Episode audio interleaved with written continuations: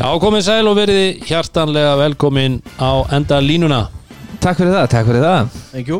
Hva, Hvað segir bændið þá? Gott. Eða, nei, Nei, nei, eiginlega ekki. Bara, við erum hér að tala samt. Já, já, við, við, við, við viljum aðeins ræða þetta. Við viljum Já. aðeins ræða málin, þess vegna erum við nú mættir hérna. Við Og erum við erum hérna- konum með geggjaðan gest.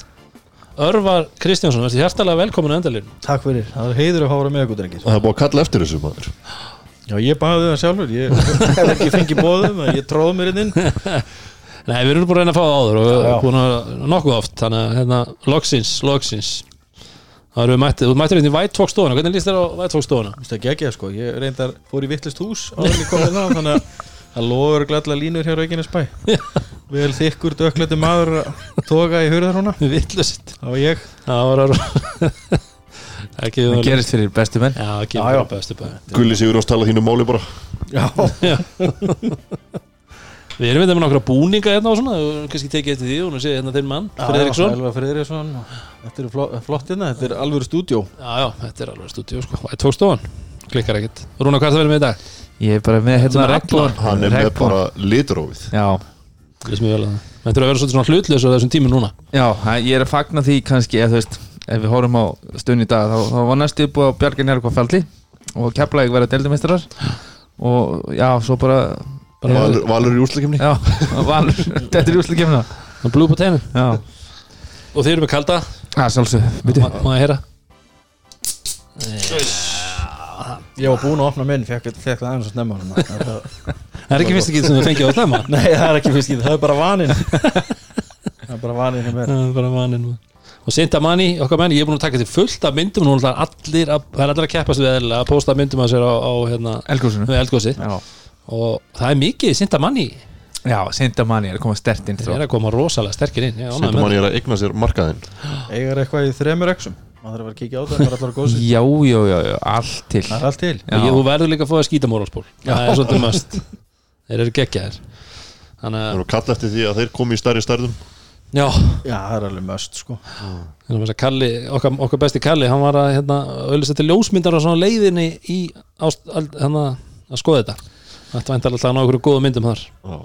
Það er bara, er bara að tala við mig. Já, þú ert að fara aftur. Já, ég er aftur sko. Er, já, það, er, það er svoleiðis. Já, já, já Ég er að fara Einu staður sem er opinn núna í COVID. Já, og það er að nýta þetta áðunni loka. Það er allt loka nema eldgósið Já, þetta er að bjarga þessu núna. Já En, Settum við bara þarna eða eitthvað. já. En hérna, það er engin umferð. Nei. Nú er náttúrulega bara komið stopp. Hann er bara takk fyrir í kvöld.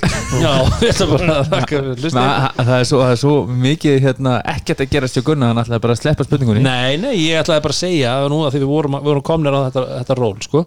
ég veit að þú ert eitthvað að spyrja sambundum við eldgóðs þannig að með það Nei. Ég ætlaði nú bara ég, ég haf nokkuð góða spurningu Ok, loksins út, út af því að hérna, við erum með Tilbreytingar, við erum með tilbreytingar Það er góð spurning uh, ástæða fyrir að því tala um góða spurningar að því bara ykkar vitneskja um eitthvað sem að kemur bara frá, bara frá útlöndum það, þá þekki ég ekki neitt Nei, nei.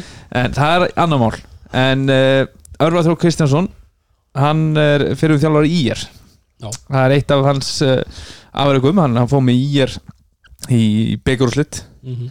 Og gerði vel. Uh, árið áður en Örvar var með ír þá var uh, þjálfari reygin á miður tíumbli og svo tóku tveir menn við.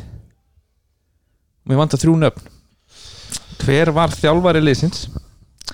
Uh, sem sagt þetta er árið uh, 2012-13 já, þetta er 2012 til 2013 hver var þjálfari liðsins uh, til að byrja með og hvaða tveir menn tóku við og, og, og voru sem sagt þjálfarar í ég í meistarlokki kalla áður en Örvar Þór Kristjánsson teku við. Ertu með það? Ég ætla að gefa ykkur sen sem fyrst. Ok. Ég er ekki með þetta sko. Ég, Það er ótrúlegt að vita þetta ekki. Er heppið hana? Já, Ég, Herbert var fyrsta námi sem kom upp í hugunum mér. Hann hefur verið annar þess að þjálfara sem tók við. Herbert uh, Arnarsson, hann er einn af þeim sem tók við. Já. Og Eggert, Alltaf bóðin og búin Eggert Garras Já. Nei, fyrrum leikmaður Nei, hann Marius. Það var fyrrum leikmaður sem spilaði með eitt Eiki önundar? Nei. Og hann, hann er tengdur í Njarvíkonum hann, hann giftist inn í Njarvíkunar Já, Steinar, A- Steinar Steinar Arason. Arason, já, já.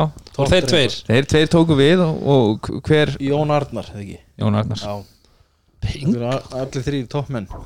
Já, klárlega. Þannig að það var Það góð spurning, Já, mjög góð. Virkilega Þetta, góð. já, ég er annað með þetta. Já, það er gaman að skoða þjálfarsögu í er sko frá árin 2000 það, þeir hafa breytt svolítið mikið til en, Það það er var, alls konar vittlisingar en, þetta, þetta var rosa mikið oft verið sömu gæjarnir sko. Já, þetta er Jónörn, þetta er Haldur Krismas og Eggert. Mhm. og þeir einhvern veginn svona, svona sjöfluð og Jón Arnar, þeir sjöfluðu þessu svona milli sín en það var ekkert verið mikið að leita og Gunnar Sverrisson líka. Já. Já, ljósmyndari. En þeir nú heldur betur með toppmann í dag í honum Borsi. Já. Hann er búin að gera rosalega flotta hluti. Mhm. Með Er þetta ekki þetta á fleiri stöðum sem við verðum að sjöfla svona jú, jú, jú það er svo svo kannski svona Lítum okkur nær. Já, fólk fer í svona sitt nær umhverfi Það Já, er já. það var alveg verið Þetta er nú engin rosa markaður Nei. Þjálfaramarkaður þannig lagað. Nei, þar, þar er hann ekki að fara að stækka líka? Jú, það er reyndar rosalega mikið af að mér finnst svona nýrri kynslu þjálfara að koma upp og sérstaklega núna í Dominus til Kalla Mhm. ótrúlega gaman að fylgjast með þessum strákum eins og Darra Mhm. og Lalla þannig að það eru fullt að þjálfum að koma upp en, en haugarnir þeir, þeim gekk ekki vel að finna mann um daginn en það er kannski líka verið út af, út af, Út af stöðunni. stöðunni og, og, og þú gast ekki breytt neinu eða gert neitt Nei. að- en þeir, þeir gerðu vel í að taka sævald Já, það er kannski bara uh, fyrir einhvern að taka við sko haugum í fyrstu deil, það er bara fínt verkefni Mhm. Já, ég hugsa að þeir hafa verið að leita að einhverju, einhverju nafni sem hafa verið tilbúin í að koma og klára þetta tímabil með því fyrir augum að halda þeim uppi Mhm.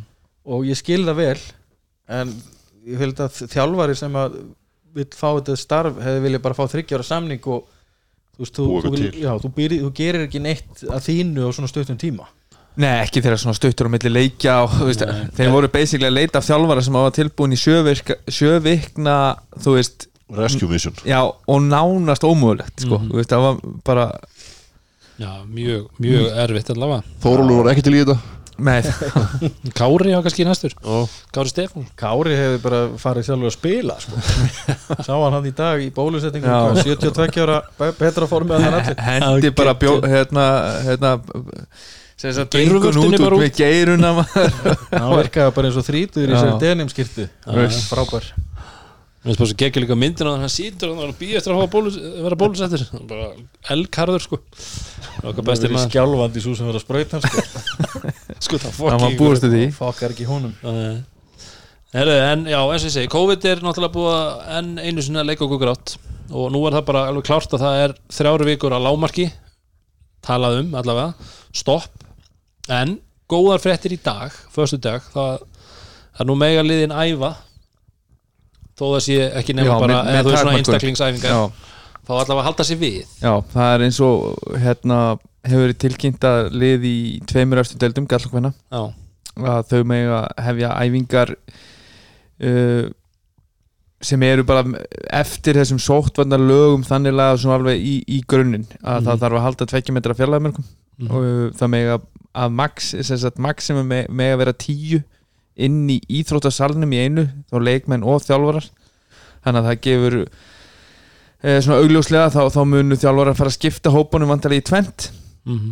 og það, það er engin e, hérna, slaki á sagt, leifi á sammeilum búna þannig að það þarf bara hver að vera með sinni eigin bolta við þjálfarar þekkja þetta prógram við já. vorum í þessu í, í bæði í ágúst og við vorum líka í þessu í, í mæ Mhm. Þannig að við þekkjum þetta system einstaklingsæfingar og, og skotæfingar þar sem að leikmenn þurfum að bara elda sitt eigi frákast og, og, og hafa gaman Mhm. en eins og ég segi, það, það er allavega samt töluvert, töluvert betra heldur en að þurfa að sitja heima og, og, og fara út að hlaupa Mhm. En nú fengum við náttúrulega, við spjöldum við Snorra hérna fyrir í janúar Já. þegar við vorum að fara á stað aftur þú veist, þá var náttúrulega búið að setja upp þetta hraðmót sem við höfum oft talað um og, og með landsleikja glugga og, og, og byggakeppni og úrstöldakeppni og við erum að spila hérna bara fram í miðjan, miðjan júni mm. uh, þá talaði hann um það að það væri svona slagi um svona cirka bát viku tíu daga. Það talaði náttúrulega um að það var þetta, þessi vika sem var ekki spiluð um daginn nema uh, Já, hún er farin. Haukar og Þór. Já, já, já, Við já. getum ekki notað hana núna. Nei, hún er búin. Hún er Nei, ég er að búin, segja það, veist, ekki- ég er að segja nei, það sem ég er að segja núna er sko ef við tölum um þetta séu þrjár vikur ef við gefum okkur það. Hverju erum við að fara að fórna? Hvernig, hvernig sjáu þið þetta? það er bara að gefi hjá mér að fórna þessum byggar vegna þess að það verður engin tími til þess að spila hann og, og liðin eru búið með hvað 70% af deildin og það vilja allir klára. Mm -hmm. það er algjörlega glata að, að það kemur tvö ártur sem að er engin Íslandsmeistari. Mhm. og eins og Rúnar grínaðist nú með hérna áðan að- við njarvikingar vorum kannski bara hefnir að ef þetta endar svona við sleppum við fall en þegar vilja allir klára þetta á vellinum og ég er það bjart síðan eðlisvar og er það alltaf, ég er að vonast til þess að þessi bylgja gangi fljótt niður. Þeir loka bara öllu strax Mhm. sem er gott. Og ég vona að þeir síni íþróttunum svona skilning og ef, ef að þetta gengur vel að þeir fara að leifa þá þessum afreiksliðum að, að hæfa með snertingu og, og jafnvel að spila þá án áhorenda og ég var bara eiginlega ánæður að þeir skildu taka svona harðar aðgerði þó, þó að ég sjálfur persónulega mér finnst alveg óskilinlegt að við uh, liði mig ekki æfa en ég er engin sóttvarnar sérfræðingur þannig að mitt álitið skiptir engum máli svo sem en ég, við verðum eiginlega að gera allt til þess að klára móti en, en þrjár vikur er góðu tími Mhm. og liðin verða svo að fá allavega viku til að æfa þó þú getur leikið með bolta Já, ég er alveg sammála því að ef að þessar einstaklingsæfingar halda sér út þessar þrjárvíkur Mhm. Að það verður, það verður að gefa eina viku í, í kontakt Mhm. en ég myndi halda að ein vika verður nóg. Já, uh, þá getum við byrjað að spila körubólta aftur 22. apríl. Sem að er uh, sem sagt hvenna byggakefnin átt að byrja miðgutaskvöldi 2001 og kallarnir átt að fara á stað í, í sem sagt sextala úrslitin átt að fara fram 2002 þannig að þetta er eiginlega mynd að detta inn ákkurat á þann tíma sem að uh, byggakefnin átt að fara á stað. Og þetta er ykkur 15-17 daga gluggi sem að byggakefnin átt að taka. Svona frá síðasta leiki deild og fram yfir byggakefni og að fyrsta leiki í, úrslitikefni þetta voru ykkur 18 eða 19 dagar ég var að tellja þetta. Mhm. þannig að það er þessi gluggi sem við erum að tala um. Þú veist, ef það er þryggja vegna stopp uh, þá erum við að tala um 21 dag. Uh, hvað væri hægt að þú veist, þrengja eitthvað aðeins er hægt að byrja eftir 5 dag í kontakt eða er þetta að byrja eftir 6 þú veist, þarna ertu komin í dagamun Mhm. og ef við erum komin í dagamun þá erum við alltaf að fara að halda áfram. Þetta er örfum var að segja ég held að það er aldrei að fara að vera að taka ykkur að fljótfarna ákvörðu núna með allt sem við vitum um, um þennan blessaða faraldur eins og var gert í fyrra þegar öllu var slaufað bara á einu kvöldi. Mhm. og það, það skildu það allir á þeim tíma. En, en ég held að við erum aldrei að fara þú veist, ég held að það er síðasta sem að KKI vill fara að gera er að slaufa tímabilinu og, og krýna enga Íslandsmeistara. Þannig að ég held að það sé það er mikið held ég álag á skrifstofu KKI og, og stress. En, en, en maður vonar einmitt eins og örvar talar um að, ef að stjórnveldi og sóttvarnar eftirliti er að stíka harst uh, til jarða núna og, og takmarka mikið að það sé okkur til góðs frekar en, og við þurfum að horfa á það þannig með jákvæðum frekar Já. en að sökka okkur í, í, í neikvæðina Nei, maður er búin að gera nóg af því. Það er veist alveg að hraunum En hérna eins og með þetta byggardæmi var svona einhvern veginn eins og uh, rétt að, að það er kannski það svona bufferi sem maður sér í þessu en nú er nýr styrtaraðal á byggandum hversu, Geta það ekki bara heimfært það yfir úrslitakefni hversu línýjant er hann Já, það Gagnvart er svona. alveg- Það er mjög góð pæling sko. Það- það er alveg valið sjónamið ég, Já. Það, það er svona hluti sem að maður kannski ekki spáð í en, en ég efast ekki um að þeir séu með eitthvað plan B upp í erminni að, að ef það er engin byggar það náttúrulega þau- að að styrkja.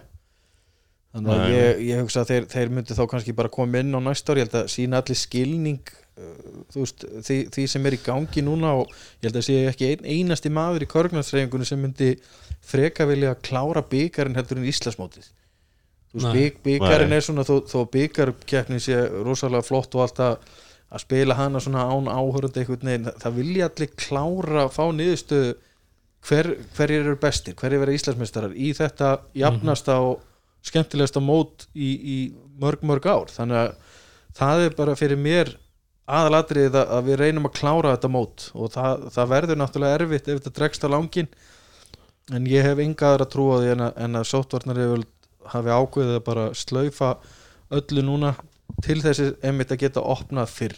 Já en, en eins og þú- þú varst búin að vera að skoða reglugjöruna Mhm. það er náttúrulega gefin út reglu, COVID-reglugjör fyrir, Já, já. fyrir tímabilið og það er kannski svona ég fór strax að skoða þetta í gær og, og uh, inn í þessari reglugjör kemur samt fram að, að deildakefnin eigi hafa verið lokið 30. apríl uh, og ef við förum á staðan 20. annan að þá erum við aldrei að klára deildakefni fyrir held í 30. apríl Nei. sem var eitthvað svona viðmiðunar dagsetning og, og, og sem sagt að svo er þið byggarspilaður og, og, og svo úslitikefni í mæ og júni Mhm. en þarna er þið deildakefnin að tegja sig eitthvað inn í mæ en ég eins og ég segi, ég held að KKI verði bara að vera með smá svona sveianleika þarna og þó að við sem að spila síðustu deildar umferðnar annan, sjötta, þú veist, sjöunda mæ Mhm. að þá freka kláru við þessa deild og byrjum svo bara í úsliðkefninni og í staðin fyrir að spila 8 leiki kringum 15. 16. júni að þá bara spilum við um 20. og 20. annan þú veist að færa þetta um 35 daga og endanum skiptir engu máli uh, flækjustígin eru náttúrulega og þú veist, og við býðum náttúrulega eftir því að sagt, þessar tölur og við vonumst til þess að ráðstafanir yfirvalda núna muni halda þessum tölum í lámarki Mhm. og, og að við getum fara að stafa til þrjálfvíkur við erum svolítið að hugsa þetta út frá þessum jákvæðu augum Mhm. þar ef að þetta fer allt á henni versta veg að þá eru náttúrulega þá er reglugerð við já. uh, um hvernig væri hægt að klára mótin ef að þetta hefur áhrif annar ári röð Mhm. og það kemur fram að það, tveir þriðju leikja í efstu deildum kall og kvenna eða sérst efstu deildunum fyrstu deild og úrvastild og þetta virkar bæði í kall og kvenna deildinni Mhm. þarf að vera leikjafjöldi þarf að vera komin yfir 2 þriðju 66% Mhm. til þess að tímabilin telji. Og það er, það er ekki nóg að gerist í annari deildinni það verður bara í báðum. Mhm. og þannig geta sem sagt, lið fæst til delta efsta lið í fyrstu deild fær upp og neðsta Neðsta lið í úrstild uh, flækjustíði kemur svo aðeins inn í kvennabálsanum og það er ég til dæmis. Flækjustíði kemur þar inn og það er í, í fyrstu deild kvenna er eina deildin sem að er ekki Allir búin að leika jafn. allir búin að leggja jafnmarga leiki. Og svo eftir því sem ég heyri er tólkunaratriði á, á sem sagt, 66% reglunni að 66% reglan er miðu við leikjafjölda í upphafi tímabils sem var sem sagt í, þú veist, í ágúst og þá áttu að leika fjórar umferðir í Dominostildinni og þrjár umferðir í fyrstu deild. Nú er búið að fækka niður í þrjár í Dominos og í tvær í fyrstu deild. Og báðar deildir eru komnar í 70% af sagt, leikjum sem á að spila. En báðar deildir eru held ég bara eitthvað í 56% eða eitthvað svoleiðis miða við það sem við það sem upprannalega er. Og ég held að þeir séu að miða við það. Þannig að til dæmis eins og í kvenna boltanum eins og stannir í dag miða við þeirra túlkun að þá er þetta bara hérna, frosið sísón og sömur liðmyndu spila í deildunum að ári. Já, ok. En þá, en, en kalla megin en þá ertu, það, það var ekkit fækkað umferðum þar.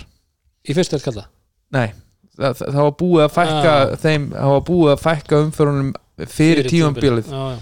þegar að hérna á, fyrir COVID sko. Þetta er, er áhugavert. þannig að það eru alls konar flækjustig. Mm og maður vonar bara innilega að, að eins, og, eins og örvar að tala um að, að þessar aðgerði núna munu gera það kleift að við getum farið af stað eftir 34 vikur -hmm. uh, og það þurfi ekki að fara í ykkur svona leiðilegar COVID-reglugerðir og, og klára tímabil annári röð einhvern veginn svona með einhvern pennastrikum En haldið þið samt ekki, þú veist svona raunsæri, þú veist, að þrjár vikur sem sagt, þá er ég að tala um að við getum fara að byrja að æfa í kontakt eftir þrjár vikur frá upphafstegi, að það sé bara basically maxið, við get þú veist, ef þetta dregst eitthvað lengra þá er, þá er þetta ekkert hægt.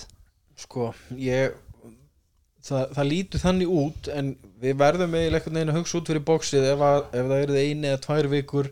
Meira. Það náttúrulega ef ástandi eftir þrjár viku væri orð alveg hræðilegt þú veist komið upp í 60-70 smitt á dag og spítalarnir yfirföldi þá vitum við náttúrulega já, já. þetta er game over. En ég er bara að vona það með þessum bólusetningu þó sem eru búin að vera Mhm, og smitin í dag verðast meira að vera hjá yngra fólki að þetta verði ekki samskona bylgja. Mhm, það verði ekki jafn mikið um alvarleg veikindi og við, við náum fljótt, fljótar tök, tökum á þessu. Mhm. að þá verði þetta verði þetta betri. Ég, ég bara neita trúa öðru eins og Mhm. maður, þegar við vorum að tala um þetta náðan þess að neikvæðu hugsan og svona maður verður bara að hugsa jákvæð Já. við verðum bara að taka á hinnu og finnst að þjálfarar og leikmenn eiga bara undibúa sig undir það að það eru bara leikir eftir já, fjóra vikur og æfingar byrja og núna fyrst að leikmenn mega að vera með bolta og þeir geta hlupið inn í salnum og halda tötsinu þá, þá er þetta svona þetta hljó, það hljóma mikið betur. Mm. þannig að mín skoðun á þetta er bara undirbúið eins og það er bara game on eftir þrjárvíkur og við klárum þessi geggjum mót okkar. Það er bara, það er ekkit annað í stöðunni hjá mér. Nei. Uh, Ég er allan daginn þar og, og eins og ég segi, ég held að sem körfnæls unnandi fyrst og fremst þá, þá held ég að körfnæls sambandi ætti að leita allra leiða veist, til þess að klára þetta ef að það er eitthvað svona dagsetningar Já, eins og þetta 30. apríl dæmi Já, eins og 30. talaðu um. apríl þetta, er náttúrulega- þetta gerist í fótballtana núna í, í, í síðasta vetur þá, þá kemur þetta upp að, að það þurfti að vera búið að klára þetta fyrir eitthvað 30. oktober eða november eitthvað uh, ég held að við ættum að svona fara varlega í að slaufa allavega. Ef, ef við getum hort á veist, ef við erum að horfa kannski tvær til þrjár vikur þó að verði í viðbót að þá myndi ég frekar í staðin fyrir til dæmis að allar serjur í dag er upp í þrjú. Bara förum bara niður Old í school, bara bara, best of three. bara best of three í, í jafnvel áttalega og í Þú veist- Já, það er bara að hugsa hans út fyrir bóks Já, ég er að segja, þú veist ef við verum komin á þann stað að annarkvort að slaufa eða breyta til Já, já. þá, þá kýs ég, herru, breytum bara aðeins til. Mhm. Svo eru náttúrulega líka þau sjónamið sem að maður hefur að heyra frá, frá þeim sem eru að stjórna félagunum og fjármagna og svona að það er dýrt að, að framlengja og allt það. En ég hef heyrt á reyfingun að veita til þess að Njarvík að síðast að þetta var að eins og erlendu atvinnumirinnir hjá okkur þeir voru allir tilbúinir að taka á sér smá skerðingu og hjálpa til að því að vilja þetta klára að vilja þetta spila. Þannig að ég vona bara að ef það er eitthvað svona vandamál hjá, hjá félagunum að, að leikmenn og, og þjálfarar maður veit að það hafa allir tekið á sér skerðingar og það er erfitt. En ég vona bara að okkur beri gæfa til þess að, að klára þetta. Og þú veist, er bara, ég get bara ekki hugsað að sjá tvö ártölu 2020 engin Íslandsmeistari. Káringan þeir reyndar eru búin að eigna sig segja Bötti skrifar alltaf, við ætlum bara áttund ári en skiljið, við, við verðum bara við verðum að klára þetta. Ég sammála. Algjörlega En Örvar, svona aðeins að þér sjálfum Nú ert þú 77 úr 77 árgangnum í Njárvík og, og hérna, þú ert náttúrulega alast upp hérna bara í sko Njárvík náttúrulega upp um 90 þannig að þú ert 12-13 Þetta er náttúrulega svakalegt lið. Ég byrjaði að fara að leiki svona um 87 Njar, Njarvík verða mestarar 84, 5, 6, 7 fjögur ári röð tapa svo hérna 88 já, Þa, það er leikur sem að ég man rosalega vel eftir 11 ára gammalt, ég satt svona fyrir ofan varamannabekkina og Á, á rimlunum já, á rimlónum, það var svo tróði í húsið. Ég sá eitthvað vídeo þessum Já. þetta er á YouTube Þetta er Þetta er bara er Og mikið af hérna- fólklandinni ég man rosalega vel eftir þessum leik og, og hérna þarna bara var gullöldin í Njarvíkonum mm -hmm. og þó þetta sé eftir mér hægsti leikurinn haug, haugarnir unnu þá, þá voru svona árin og eftir svo kom, kom hérna árið eftir 89 það var fyrsta skipt sem Keflavík vann maður upplýði það, þá fór, fór Keflavík að gera sér svolítið gilda í þessu. Og svo kom 91 sem er að mínum að þetta eitthvað skemmtilegasta tímabil sem ég man eftir, það var fyrsta skipti sem Njarvík og Keflavík fóru í Mhm. loka úslit ótrúlegt envi að Njarvík byrjar að vinna leik 1 og þeir eru yfir í hálfleik held ég með 35 stegum en Keflavík er að mingi 2 í hálfleiknum. Sem að þeir ná 35 stega fórskot og Keflavík er að jafnita en Njarvík enda svo að vinna með 37 það voru svo svakalega sveiflur. Og Keflavíkinginni stela svo leik 3 inn í Njarvík og Njarvík þarf að fara í leik 4 til þess að fá oddaleik og gera það og vinna svo í oddaleik. Og þetta var svona byrjun á held að Njarvík og Keflavík hafa bara dóminera svo alveg þarna til 2006-7 bara K.R. kom hann einu sinni inn á milli en þetta var, var uppeldi hjá mann í þessi tímar og það svo fyndi núna það er svo margir bæði Njarvík og Keflavík sérstaklega í Njarvíkunum sem horfa á þessa tíma og vilja sjá þetta aftur. Ég held að það verði aldrei svona tímar aftur. Nei. þú veist landslæði er svo breytt. Þarna voru kannski 2-3 lið sem sást fyrir fyrir tímur sem áttu ykkur sjens en eins og þeim er að horfa tímabili núna það, þú veist 6-7 lið kannski sem að maður gæti alveg sagt með góður samins hvað gæti unnið þetta. Mhm. Þannig að það er búið að brey- breytast mikið en hins vegar var romantíkin svolítið meiri þarna. Og þú þekkti hvernig einasta kjaft í liðinu og, og þetta voru svona hetjurna sem við hittir út á göttu og, og núna er svona það er margir sem kvartið að segja enginn tengsl. Mhm. en mér finnst bara núna þú veist að hafa bara góðan körbóltaði nummer 1, 2 og 3 þetta er bara orðið svona og fólk verður að sætta sig tím, tímandi breytast og eins og boltinn hefur verið í, í vetur, sérstaklega kalla megin, ég fylgist meira með þar þá eru gæðin bara rosalega mikil og, og deildin bara geggjuð. Mhm. En svona eins og yngri flokkana og svona, ég meina, hvenær byrjar í köru? ég byrjaði í minnibolta þá ég man eftir að þá var besti leikmann hjá okkur Lofísa Gunnars. Það var frábæð leikmaður og geggjuð. Og ég er þarna í 77 við vorum með svona ágættilega það var ég og Einar Jóhans og, og, og fleiri. Keflingingarnir voru með yfirbörli Gunni Einars. Já, Hann er jafn stór í dag og hann var í minnubólta og hann tróð bara í minnibolta þá ekki breykja hann og geggjaður. Um, ég spilaði líka mikið með 76 árgangnum og það var rosalega skemmtilegur árgangur í körfu. Mhm. Þar voru leikmenn eins og Helgi Jónas Guðfinnsson sem að er besti yngri okkar leikmaður sem ég hef séð. Hann var bara, þú veist, hann fór á andri söndleikana og vann tíu gull og svo kom hann og skoraði 50 stygg og ég, það, það er eiginlega galið að segja frá þessu, ég var einu sinni bara settur inn á til þess að æsa hann upp vorum að tapa í byggarleik og þjálfarinn sagði bara, þú verður bara að ná honum út af. Og endaði Helgi, Helgi kyrti mig og honum hend út af. Þetta var eitt af fáskið sem unnu þá við hlægjum mikið að þessi dag ég og Helgi. Ég man ekki hva, hvað ég gerði til að espa hann upp það, það, það var eitthvað Þú verður en- byrjað að snemma í því? Já, ég var bara reynd út ótrúlega leiðilegu leikmaður sko. og leiðilegu karakter hérna þegar ég var yngri. Ég vorkinni oft mönnum sem voru að þjálfa mig það voru oft Hverju voru að þjálfa? mjög skrautlegt. Er nú legend þarna sem voru nú sko ég fekk fullt af góðum þjálfurum. Rondi Róbinsson, hann byrjaði að þjálfa okkur. En þá er rauninni þjálfaði Einar Jóhanslið því að Rondi mætt aldrei. Og ég man sérstaklega eftir jólamóti þar sem við vorum að reyna að vekja hann. Þeir hefðu tapað einhverju leik og það var eitthvað húlum hæ. Þá keirðu við bara í bæinn og lötun hans það var engi komið bílbróðin eitt og eina, eina stjórnaði liðinu þannig að byrja þjálfaraferðin það það var eitt kerfi, það var K. Þá gaf hann á mig og ég skaut. Það gekk stundum upp stundum ekki. En svo fengum við fengum við betri menn. Jón Július kom hérna og, og hérna Frikki Rakk og við svona, þú veist, vorum alltaf þetta liðið númið þrjú fjögur en þú veist, það var svona já, já, vorum, vorum bara ágættir en það var með, með 76 strákunum. Þeir voru með rosalega fínt lið. Það var til dæmis Ægir Gunnarsson og Pál, Pál Kristinsson. Mhm. Twin Ægir, já, Ægir bróður hans loga hann, hann hérna ótrúlega ömulegt hvað meðsl settu mikið strik hjá honum.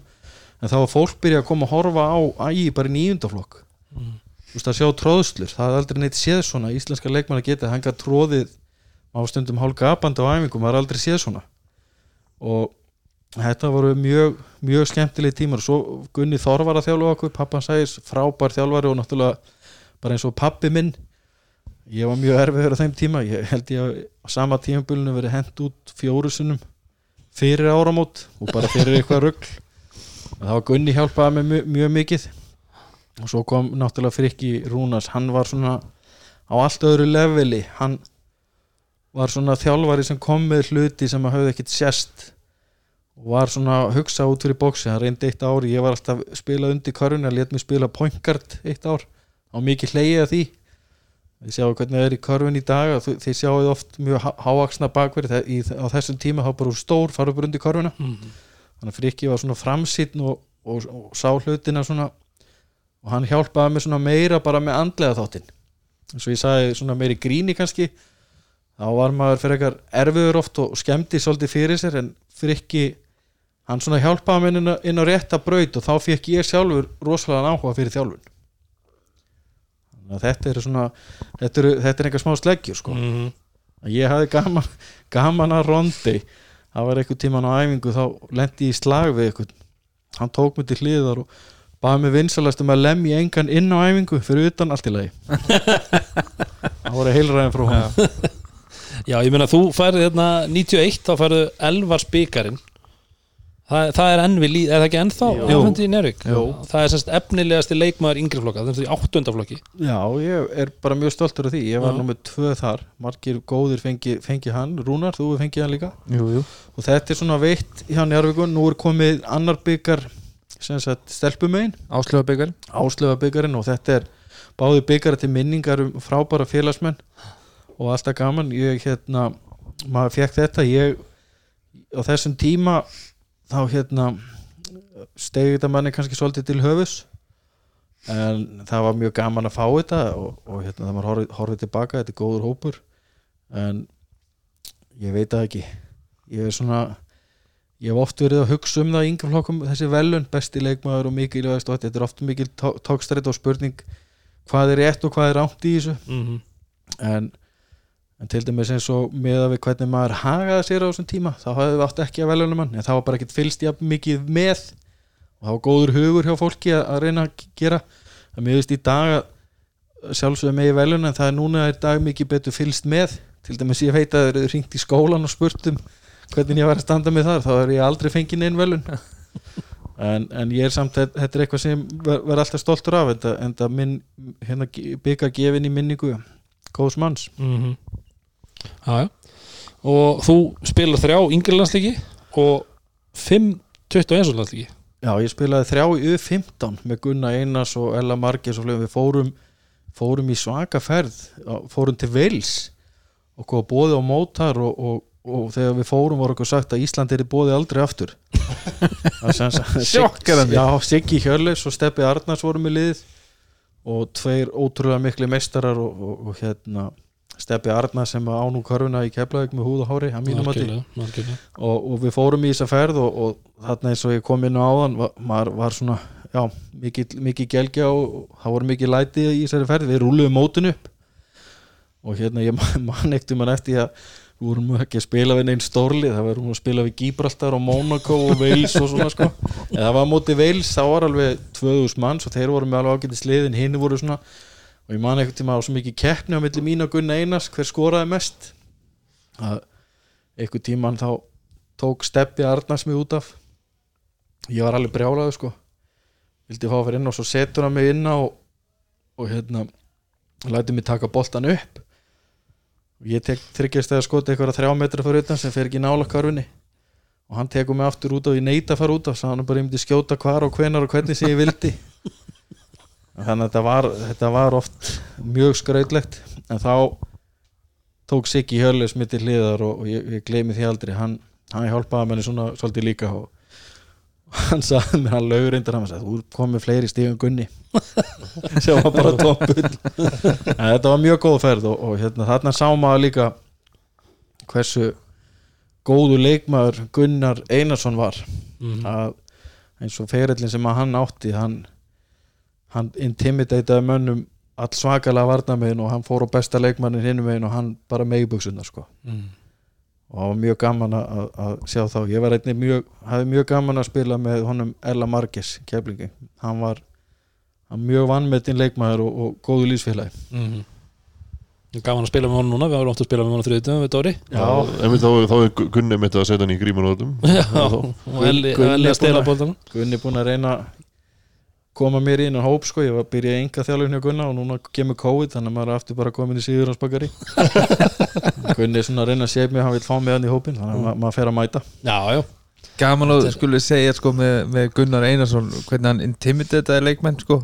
Og Gunnar Einarsson einn af þessum leikmenni sem er já, var, þú veist, elskaður í Keflavík og hataður alls þar hans þar uh, en hann, hann, hann, hann hérna kendi mér í Milbaskóla hann, Já. hann kendi hérna svona vélrutun eða já, eitthvað tölvu eða eitthvað já, svona kendi okkur svona fingrasetningun okkur svona og ég var hjá honum sko frá 7. til 10. bekk og svo er ég í Njarvík þetta er í held ég undurúslutum hann 2008 eða 9 að hérna uh, þá, þá er ég að spila á mótunum þetta er svona 5 ár síðan hann var bara búin að vera að kenna mér í 4 ár í grunnskóla og svo, kem, svo kemur hann og hann dekka mig í, í þessu leik og ég byrja inn á og þetta er leikur í undurúslutum í Njarvík og hann byrja bara og hann talaði við mig eins og sko, þú veit, ég er á 21 árs og hann talaði við mig eins og ég væri versti óvinnur hans.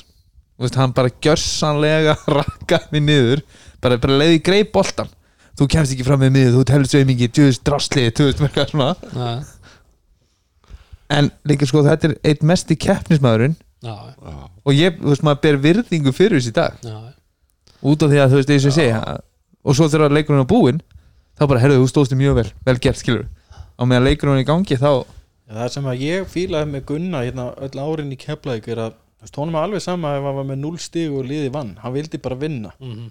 og hann er, hann er var að þeirri svona, hvernig segja, þeirri gerð leikmanna. Það hefur núna síðustu árin þá hafa margir leikmenn verið að koma upp og það hefur verið svolítið svona snúist um hvað get ég gert fyrir mig sko, mm. ég ætla að reyna að komast í skóla eða gera þetta og hitt. Og, og hérna svona svolítið, svolítið öðruvísi mentality en Gunni, þangar skora 20 stíðu töpu þá var ekki hægt að tala við hann í Nei, en, en hérna hann svo skorar hann ekkit og þeir vinna þeir, og það er svo erfitt að mæta svona mönnum eins og þú ert að tala um það höfðu hann allir sem voru á mótunum en ef þú fengi að í, vera með honum á æfingu eftir að velja lið fyrsti maður sem tekur í þitt Já, algjörlega. Og vilt hafa sko- þessa menn með sko. að því að og tala um þetta þá hérna þegar við fórum í breyðablikum þá var ég búin að vera liðsfélaga sinni í mörg ára á undan. Svo bara í fyrsta reyna þá bara byrjar hann á því bara að berja mig sko. Bara fyrst, fyrstu sókninni sko. og hérna svo, svo eftir leik vorum við bara ekki nema félaga Nei, ég, ég ætlaði að taka svona þegar ég fór í stjörnuna og var fyrsti leikurinn minn á móti Njarvík og er reyndar í valsmóti sko, ég ætlaði að vera ægilega töff. Og Olboa er mínu bestu vinnu rakka rakki andlitið. Og dómari sér það ekki. Og hann liggur hérna og ég tek skot og hitti og rífi eitthvað kjátt við hann fer svo, tekið leikli og tóku Njarvíkinni bara leikli til þess að setja upp eitthvað play svo Frikki Rakk og Teitu getur lamið mig. Þegar ég var búin að fá höggi frá þeim þá hvað ég er, ok, þetta er kannski ekki alveg þetta er ekki minn, Þetta er ekki þinn tebóli nei, þetta var ekki minn tebóli En, en þi- þinn meistarflokksferill, hann byrjar hvað, 94-95 eða hvað? 95-96 já, sko, ég, ég fæ ég var mjög ánægð með það, ég fæ, fæ að vera með á nokkrum æfingum hjá Vala Ingimunda 94-95 ég var aldrei í hóp en ég fekk einhverja tvæð þrjá æfingar sem er lið sem að vann 31 leik og tapaði einum og hérna, en ég byrja tíðanbyrð eftir 95-96 þegar Hrannar Holm kemur í, í Njarvík og Njarvíkuliðin á þessum tíma, þú veist maður var, var í hóp og það voru kannski 7-8 leikmenn í hópnum sem voru búin að eiga aðlæslinsleiki og þetta var ótrúlega skemmtilegu tími þegar maður horfði tilbaka, maður var mjög óþráskaður á þessum tíma.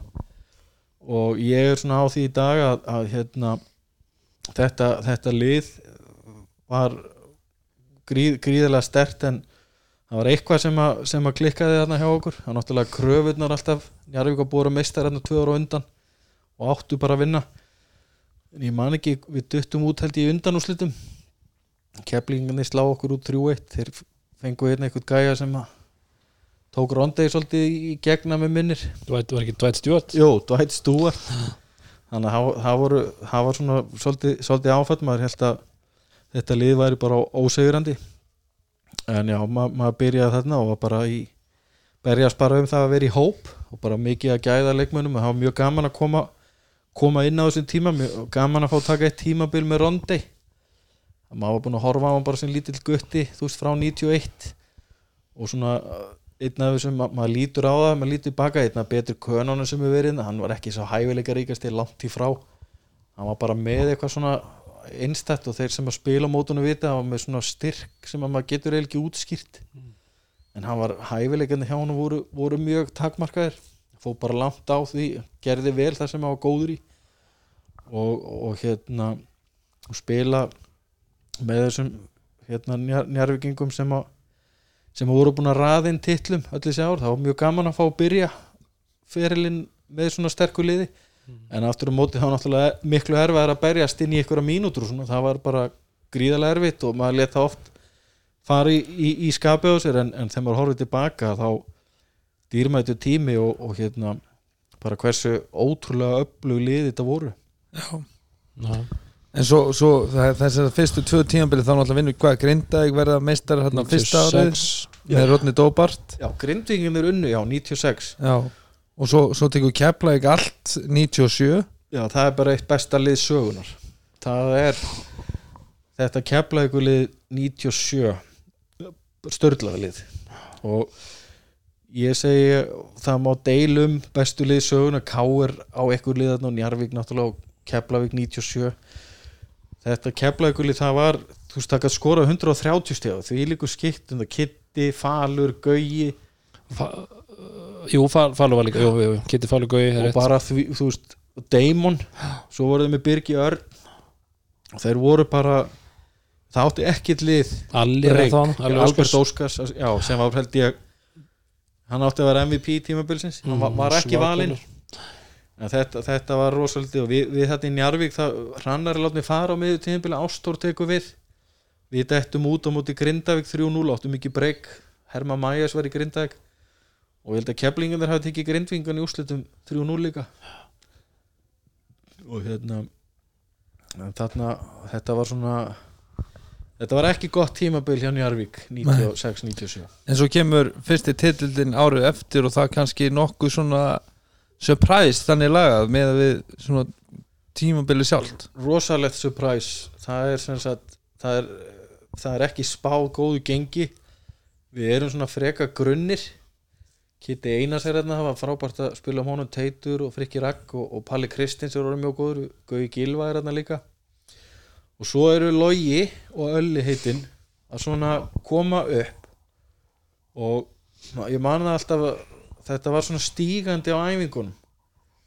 Og í restina með Ölla heitin var þetta orðið það vandræðilegt að í nóumber hvað hann var að bara pakka mönnum saman. Þannig að Friðrik Ingi hann, þú veist, Friðrik er þannig þjálfari hann vil að menn vinni sér inn. Og hann vildi ekki vera að henda ég held að Ölli hafi átt skilið að fara kannski inn fyrr. En Frikki leta hann vinna sér inn og þetta var bara eftir eina æfinguna þá kom hann á tilkynnt okkur að hann myndi bara byrja inn á. Ekki bara hann væri með í liðinu heldur hann bara myndi byrja inn á. Og ég held að hann hafi ekkert mist byrjunleysætið eftir það.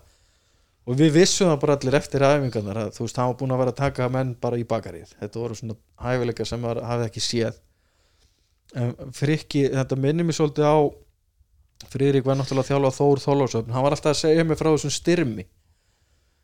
Ég fylgdist ekki mikið með körfunni það tímabilið og, og, og hérna svo núna á þessu tímabilið hugsa ég bara vá, þú veist þetta sem maður var að segja, maður, maður spáði ekki í þessu fyrir maður horfir á hann núna hvað hann er búin að vera að gera. Mm.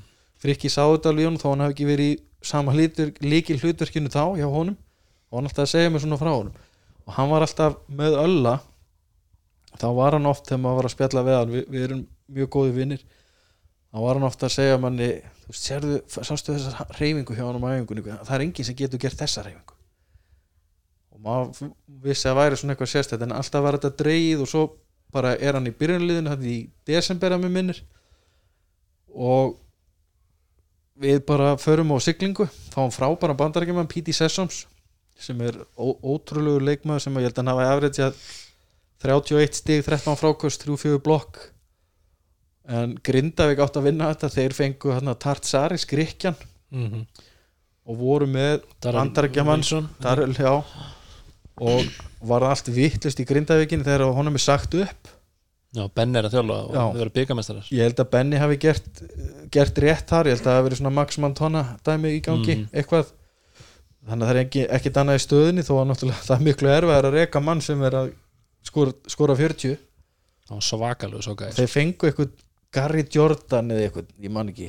Og ég man að við vorum í njárvíkingum í úrslutukefni í áttalega úrslutum þá förum við upp í Grindavík. Við erum að horfa á ottaleikin Grindavík Akarnes Það var pakkað, ég var hann líka. Já, og ég man það leikurinn klárast og skæin vinnur og við letum svona á okkur alla og þá hugsaðum við bara við erum bara að fara að vera meistara sko. Og þá förum við svo í undan og slita reynda við keflaðik og við unnum þá í ottaleg það voru svona eiginlega úslita einn við mm. Falur Harðar í, í geggjum gýr og Sæmi hérna- Odds. Já, Sæmi var að byrja þarna Já, Já, Sæmi Odds þarna, þetta var svona það var svona fyrsta tíðanbeli okkur Sæma. Já. Sæmi kemur og það var eiginlega bara úslita einn við 3-2 svo var það Káer í úslitunum 3-0 sem að ör, örlugur heitin fór á kostum. Og þetta er svona ég var ekki að spila mikið þetta tímabila ágætli í deildinni en, en þetta er eitt af skemmtilegustu tímabilum sem ég hef spilað. Hversu, hversu góðu var Ölli? sko, ég segi þetta með fullri virðingu fyrir Jón Arnóri og Martin Hermans og þessum sem að ég tel að séu þeir bestu. Ég held að Ölli hefði geta náð jafn langt og þessi strákar ef ekki lengra. Og ég er ekki hlutlaus, Ölli var góðu vinnu minn og, og hérna, en hann hafði þetta er svo frikki lístast, hann hafði eitthvað svona sem að engin annar hafði sem svo erfitt að útskýra mm. og þetta tímabil síðasta sem hann spilar áður en hann lætur lífið það, þá var hann bara að vera betri og betri með hverju leiknum og maður bara var stundum bara að hugsa þú veist, hvað endar þetta Mm. en að sjálfsög veit maður ekki, maður hugsa þetta oft og manni finnst kannski ósangjart við að segja hann ekki geta náð þetta og þetta ég veit að Jón Arnur Stefánsson sem að við, við flestir um sammálum sé geitin okkar ennþá í dag Mhm. að hann, hann veit alveg að, að, að the sky was the limit eins og maður segir. En við náttúrulega vi, vitum það aldrei en, en þeir sem spilu á mótunum og spilu með honum þeir, þeir vita að þe- þetta var bara eitthvað sérstætt Já. En á, á þessum árið þeir eru koma náttúrulega upp svona svolítið svona skemmtilegur hópar og ungu strákum uh, þú veist, inn í þetta svakalega reynslu lið uh, leikmanna hann í Njarvík en uh, þeir voru nokkuð, nokkuð svona solid hópur og þú ægir uh, og Einar og, og, hérna ég ætla aðeins að fá þið til þess að það, það voru nú margar stundirnar í bílskútum hjá Gunnar Þorvar eða ekki? Jú, jú, við, við vorum hann margir að reyna að komast inn og ég man til veist, stöðuna sem ég var að keppa við það var kannski þrýr, fjóri alanslismenn um tvö ígildi og rosalega gaman við vorum hann oft þessir yngri þá vorum við í skúrnum hjá Gunna spila Playstation og drekka bjór og hafa gaman. Þannig að hafa- hafa mikið fjör á þessu tíma það verður ekki sama og eru upp á tenninu núna þá litum menn kannski framhjóðið menn úr að hafa gaman. Ég man við hittum mér sér keflingan oft á sunnudöfum Já, og á manstu þetta í vikunni. Fórum fórum oft hérna á dús og, og enduðum svo hérna. Þá var svona listrætt dansklubur Casino, það var hægt Skrifstofan. gaman og fórum þangast stundum. Já, já. En það voru, það voru rosa góðu tíma. Við vorum, vorum hérna, kom upp sterkur hópur af leikmönnum. En við Palli Kristins var svona sá eini af okkur sem að varði ykkur svona annarslísmaður og flott, flottu ferill og allt það. Við, við hinir einar átni fenn náttúrulega bara út í þjálfun og bara frábær ferill þar. Ég sjálfur spilaði þarna eitthvað tímabil fer, fer svo í fyrstu deildina og fer svo fljótlega bara að einbytta mér að þjálfunni sem, að, sem að var bara fín, fína ákvörðin fyrir mig. En það var bara ó, ómetanlegt og þið þekki að hérna sjálfur Dóri og Gunni sérstaklega að, að þe- þessi ár þegar Njarvík og Keflæk voru á toppnum þetta voru ekki smá leikmenn og að æfa í svona hóp það, það, það sem að sakna mest það er svona félagskapurinn og, og eins og margi góði kana sem spiluðu á þessum tíma sögðu þá fannst þeim erfiðar á æfingunum heldur en í leikjónum Mhm. það er akkurat upplöð sem maður hefur Já. sjálfur sko. og það er einkenni þessar liða ég man þegar ég skipti yfir í önnu lið ég fer yfir í stjörnuna, Jón Káar byrjum um að koma yfir í stjörnuna að þá var maður kannski 11. 12. maður hjá Njarvík fór ég þegar að vera með eitthvað 20, 22 stig í fyrstu deild að maður fann það á æfingunum að þetta mentality sem var einnig verið sunna það var ekki núna er þetta breytt nú er, nú er þið sjáu til dæmis liðin svo stjörnuna Mhm. þetta er orðið eitt af svona stóru klúbunum í dag og það, það er allt mentalið Jón K. er teitur þessi menn þeir breyttu þessu mentality þá voru menn kannski að taka sér frí til að fara í klippingu þetta er orðið svo breytt en þegar maður mætt á æfingu í Njarvík og eins og við vorum að tala um Gunna Einars ta- tala um veist, Kitta Einars þú veist, bjó í sömu götu og ég frá götti maður hitt hann fyrir æfingu og spjalla og svo var maður bara neldur í pungin á æfingu því að það, Mhm. hann hvað þetta náð frákasti til þess að vinna leikin Þeir menn Ja. vildu bara vinna. Ég man það bara þegar maður var að ferðast hérna, sem sagt, uh, þegar maður var svona komin í meistarflokkinu og var búin að kynna svolítið menningunni sem var þar svo fór maður í að spila þessa uningaflósleiki hér og þar um landið og maður kom hann inn á skrýttum tímum, leiki voru ofta klukkan uh, átta á setnu kvöldið og það voru svona æfingar á meistarflokkinu að klárast. Og ég man það bara ef að maður var ofta að horfa á æfingar svona endan á æfingum og var verið að spila á æfingunum og það var allir hlæjandi. Mhm. Það var svona firma Þetta, ja, þetta var svona firmabolti. Það var, og maður bara hnýttur áttaði sig ekki á þessu bara af hverju er þetta svona hér? Mhm. þegar þú veist við erum allir að slást bara hérna á æfingum í, í Keflavík. Já, ég meina fyrsta, fyrsta mestarlósæðin sem ég mætti á, þú veist þannig að þið muni hvernig það var, það var náttúrulega e- eitthvað sem er líka breytt svolítið með sumaræfingar til dæmis. Þá vorum við bara að fara, þú veist maður var að mæta á sumaræfingar og það voru bara 20 sterkir leikmenn, keflingingur og nefn, stundum var þetta, þú veist njárvingin í keflæk og, og við síðan yfir í bara að Jón Arnó var bara sér Já, koma. pík, sko, og var bara að mæta hérna með allt káir gengið sko. þetta, Já. var, þetta var rosalega ræfingar og svo var einmitt þarna fyrir þetta þegar við erum að byrja að æfa þá mann ég að þú veist þá eru náttúrulega sumir sem að voru ekkert að mæta á sumaræfingarna sem voru þá eins og, eins og segi, fyrsta tíðanbili mitt er hérna 95-6 þar sem maður fekk bara að vera þú veist að æfa með og þá er Siki Ingimundar ekki búin að mæta henni einstæðingu og hvort að Gauji var nokkuð búin að mæta á svona, þá eru þeir bara búin að taka sitt, sitt sumafrí sko. Svo byrja prísísonu og fyrstu æfingu. Þá fer ég upp í sóknarfrákast Siki Ingimundar ennþá að spila og Nonni Káar að þjála og Siggi fyrir upp og það var olbúa skoti í andlitið og ég fór í kjálkalið. Það var, það, þú veist, það var ekki þú, veist, þú þurfti bara að taka þessu. Og hann snýri sér ekki einu svona við til þess að tekka á mér sko, skipti engum máli. Já, sko, fyrst, fyrsta mistrálsæðingi mín var hérna í, sem sagt, bara þá var alltaf landsleikalið í desember. Og þá var ég kallaður inn til að koma að innlokar sem voru svo margir í landsliðinu og Siggi var að þjálfa hann en hann var með á þessar æfingu. Og ég hann bara í byrjun æfingunar ákvað að keira upp á körfinni ætlaði að fara bara að tróða og sí, sína hvað ég gæti. Og kemur Siggi og lemur mig í gólfið. Bara alveg svakalega. Og svo, þú veist, bara stend ég upp og þá svona lappar hann utanum og segir sorry. Það er svona að hugsa ég eins og í dag að- að við erum, það er alltaf eilíðar þrasum útlýtingamálin og ég, ég við ekki um það, ég var hérna hefur að þjálfa eitt árið harður talsmaður og fjóru blús einn. Og ég var svona fljótur, fljótur samt að, fara svona af þeirri skoðun. En það er gott fyrir þessu ungu leikmenn að æfa með svona miklum gæðum.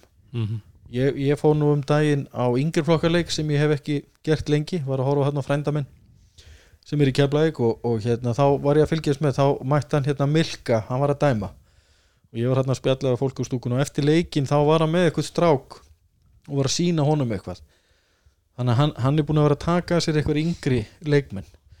Og því líkt fyrir þessa ungu stráka að fá svona þú veist þetta er einna bestu leikmennu deildarinnar og því lík fyrirmynd hann mæti klukkutíma fyrir og fer klukkutíma setna og hann er þarna leiðbeina yngri leikmennum að ég held að það sé betra fyrir þessa ungu stráka sem eru að koma upp að vera með gæði á æfingunum og sterka hópa heldur en til dæmis við værum með bara einhverja veist, það- einn, útlýting eins og dag þegar við erum líka í bullandi samkeppni við aðrar íþróttagreinar.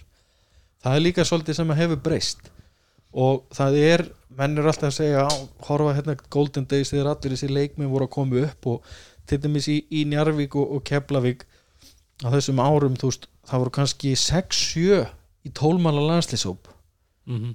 á þessum árum.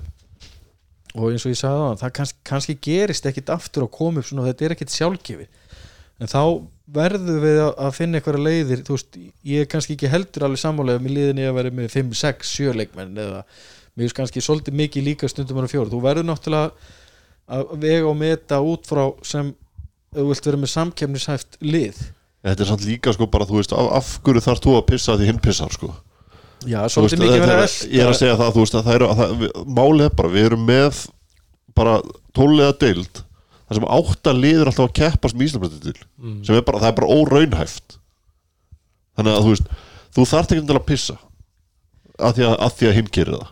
Nei, þetta er bara, þú veist, svolítið, þú veist- það er, ég, ég til dæmis ég skildi keflingingana mjög vel að hafa tekið inn fjórða, Magskæja vegna þess að Keflavík er bara í þeirri stöðu að þeir eiga bara sjens á að vera meistarar og meiri sér, þeir eru búin að vera langbestir. Mhm.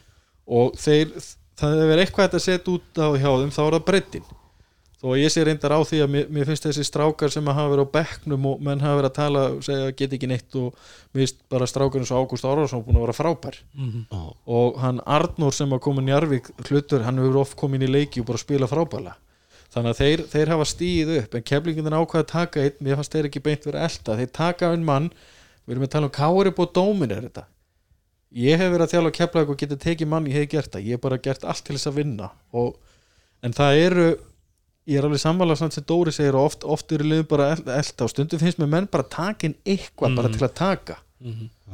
og það, það koma inn fullt að gæða mönnum og sum lið eru hefnar en önnur og svo koma líka bara inn menn sem að maður hugsa bara, þú veist, maður geti sjálfur bara skila þessu mínútum betur. Já. ég fylgdist með leikum daginn hjá Njarvík og þar voru þrýr atunumenn sem spilu allir 20 mínútu pluss sem skiluðu saman mínus einum í framlag.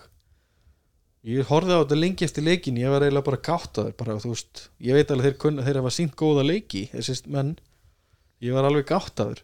Svo fór ég að skoða til dæmis eins og hjá, hjá Keflavík Dín og Milka og, og Burns að þeir eru alltaf svo stabílir og þeir, þeir bara klikka aldrei. Það er, það er kannski ykkur aðeins fyrir upp í 30 og hinn í þenn skipta þessu svona á og þeir eru mjög stabílir. Og það er það sem að Hjalti hefur séð með því að taka inn fjórðamannin þú veist, ég ætla bara að kýla á þetta og ég hef gert það nákvæmlega saman. En svo er, er það þannig alltaf að þegar eitt liði byrjar þá, þá, þá alltaf hinn en menn með þetta greinlega þannig að þú veist, það, ég, ég veit að liðin sem eru kannski 7. 8. sæti þau trúaði þau getur verið meistarar. Og þá veist, við, við sáum hérna fyrir nokkrum ára liðið númi sjö fara allavega í úslitaðin við IR mm og það er allt hægt. Þannig að vilja allir taka þátt en það er bara spurningin á þessu? Það er, það er, þú veist, þar þarf þetta raunin að lenda. Þau- þú, þú getur sett alltaf svona reglugerir um, um fjölda útlending og eitthvað svona. En þetta fyrst og fremst þarf bara að vera bara þú þarf að ef þú átt ekki efna, efna á því þá gerur það ekki. Ég, ég held að til Og- lengri tíma þá, þá sé það sem að við ættum að horfa á hvort við höfum efna á þessu eða ekki. Við, við höfum nú rætt að þegar að það er sagt, eina gulrútin fyrir að vera Íslandsmeistari sem er aðsti heiðurinni það er ein miljón króna í verðlunfi það, það dugar fyrir sko einum og hálfu mánuði hjá einum útlending. Að þú veist, þetta er náttúrulega ekki sjálfbært er umhverfi sko. ég, ég veit að þeir eru náttúrulega líka mis, misstýrir ég sko, ég man þegar ég var að þjálfa og eitt árið ég var með fjölni þá hafði ég samband við þrjá leikmenn fekk þá alla tíminn á fundi, þetta voru all leikmenn sem voru litlu hlutverkum en leikmenn sem að ég sá bara vá þeir myndi sko elskaði að koma til fjölnis og spila 30 mínútur pluss og fá að vaks og dafna og ég fekk það á fund og, og allir á, áhuga samar um að koma. Og svo man ég að ég og Steinar formaði fjölnis vorum jákvæðir. Og svo fekk maður skilabóðin ég til í að koma fyrir þetta. Og var, ég var gapandi sko. Þarna var leikmaður sem var kannski með 6 mínútur að með til leik að byggja með þryggjastæða tölu íbúð og bíl. Þá fór ég að hugsa mér sko þarna voru menn svolítið líka að nýta sér aðstæðunar í þessu bara, bara hérna Joe Nobody, hann ætlaði bara þa þarna var maður pínu bara að því að þá, þá gæti maður fengið bossmann mann á svona 300 skall með öllu. Þannig að maður var pínu svona uff, þetta var og þetta, þetta var, maður heyrði þetta frá öðrum þjálfurum líka í deildinni, þannig að það, ég veit ekki, það er þetta að fá bossmannmennina bara mjög ódýrt. Og til dæmis fyrir lið sem að bara ná ekki hóp og, en það hefur verið samt gaman að sjá síðustu ár, það hafa góði leikmenn farið út á land. Ég meina Siggi fór hérna á Elsta, Brynja Björns fór hérna í Tindastól. Yngvi er komin á, á Akureyri og ég vona að þetta haldi áfram. Við þurfum náttúrulega að halda áfram að framlega góða leikmenn og körfuboltin er í svo mikið, eins og ég sagði mikið í samkeppni við aðrar íþróttir. Það er svo margt annað í gangi. Við þurfum að þurfum einhvern veginn að, að búa til fleiri betri leikmenn. Þannig að sérstaklega svona menn sem er ekki konum við fjölskyldu að, að drífa sig í þetta ævintýri á meðan það er möguleik Já, ég meina, mér, mér fannst bara geggjað að sjá Sigga fara austur.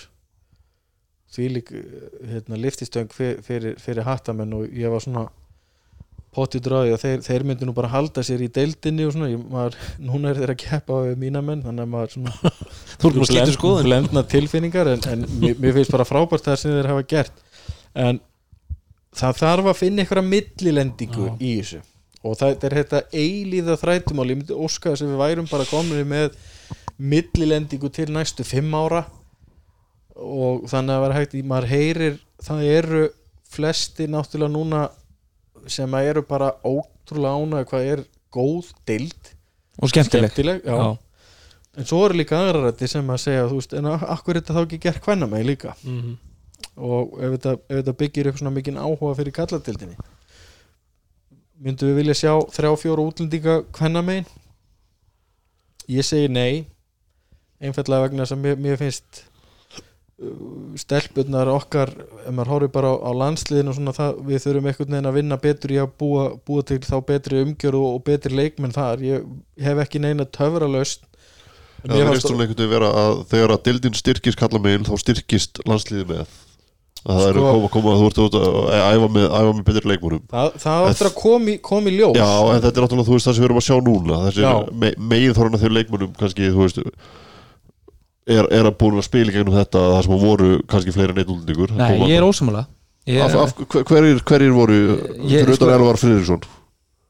Martin og var Jón hann ekki komin inn áður? Martin, Jón Axel, Elvar Kári Jóns, þeir eru allir að stíga sín fyrstu skref og, og, og, og byggja upp og verða þessi risa leikmennin Held, held, heldur þú að, að tökum, tökum elvar út fyrir sviga heldur þú að hínir gæjanir hefðu ekki fengið að spila hefðu verið tveir ég held að Martin hefði ekki verið MVP hann áður en hefði fór, verið MVP, hann hefði fengið fullt af mínútum. Áður en hann fór fullt til LA hefði verið, hann hefði verið í stóru hlutverki. Nei, ég, ég sé, ég sé, hann hefði aldrei verið í sama hlutverki í KL-liðinu þegar hann var MV, ég, árið sem hann var MVP hann hefði aldrei verið í sama hlutverkinu þegar það eru fjóri, fjóri útlendingar ég í held að hann hefur er bara ég held alltaf að hann hefði orðið MVP ég, ég man, Martin eru góðu vinnir þetta tímabil þá var ég að vinna nýja Vodafone og ég grínaðist eitthvað með Martin og mitt og ég sagði, verður MVP gef ég glæni hann iPhone maður? Það gleymi þessu. Svo verður hann MVP í úslutakefninni og valinn MVP deildarinnar. Að ég var að standa við stóru orðin. Ég held að þessi strákar finnst eins og Martin er svona eins og Jón Arnór. Hann bara ef því betri sem anstæðingurinn er þá hann sig upp. Og sjáu styrmi núna í, í þólasöp mér finnst hann vera með þetta element. Alveg sama hann oft taka er, besta leikmann er er, hann, er, er ekki útlendingalösu umhverfi Nei, ég held að er þessi strákar sem eru á þessu leveli þeir verða bara betri með betri leikmunum ég held að þú veist að þú tekur alla þessa gæja fyrir utan Elvar kannski sem hefði ekki fengið hann sjens sama sjens sem hann gerði út af því að það var þessi regla.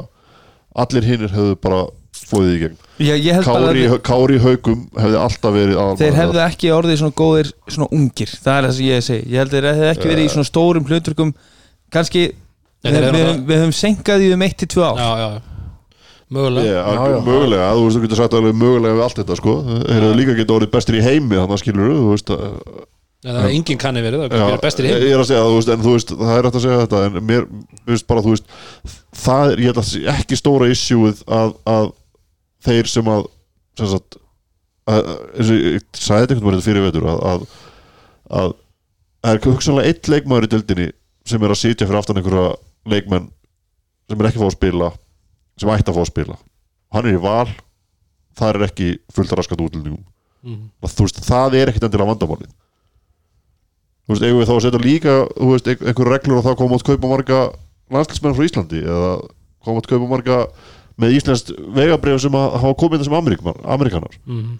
þetta umhverfi er bara þetta er bara orðið öðruvis og ef menn eins og vilja keppa við lið eins og val sem virðist hafa bara nóga peningum og, og eins og tindastól þá, þá verður þú veist, það, þetta er svo lítill íslenski markaðurinn, ég meina Ká nei hérna Valur, fyrir ekki, Ká er maður að hugsa bara ég meina þeir eru með Jó, Jón Arnór Finnur er þarna líka hverjum, hverjum er að gleyma? Pavel.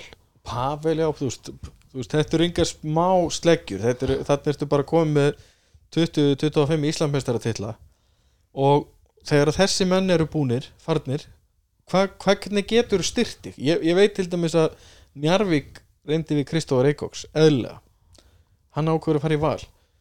Þá, hvað er þá orðið eftir? Mhm. ég er reynda mjög ánægð með Þór Þórlás þeir bara neldu í núna semja við styrmi strax ég sá Já. fyrir mig kannski að hann myndi enda í valið eitthvað lið, þeir, þeir negla hann bara strax mjög vel gert, þessi markar er svo lítið og ef þú vilt keppa, viljum við bara lið eins og valur eða þau lið sem ná allir þessar leikmenn bara rúll upp dildinni og það er ekki þetta að keppa við þetta. Nei, en viljum við eitthvað milliveg? Já, en það er alltaf sama og ég hef gert það sjálfur.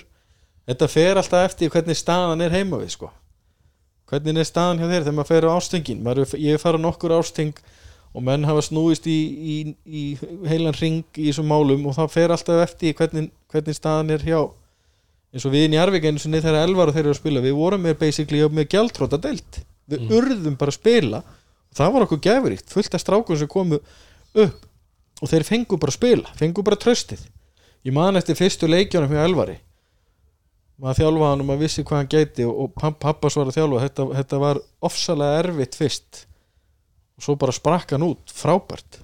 Hef, hef, ég er sammálaður rúnar hann hefði ekki verið jafn stóru hlutverki en hann hefði alltaf orðið svona góður eins og hann er í dag. Ég er alveg sammála á því, ég held að þeir bestu mun alltaf verða jafn góðir og, og þeir verða. Mhm. en ég held að, að, að, það- það sem að hjálpaði þessum strákum sérstaklega sem eru svona, svona orðnar okkar stærstu stjórnir í landsliðinu að það hjálpaði þeim uh, tölvert hvað þeir urðu góðir snemma Mhm.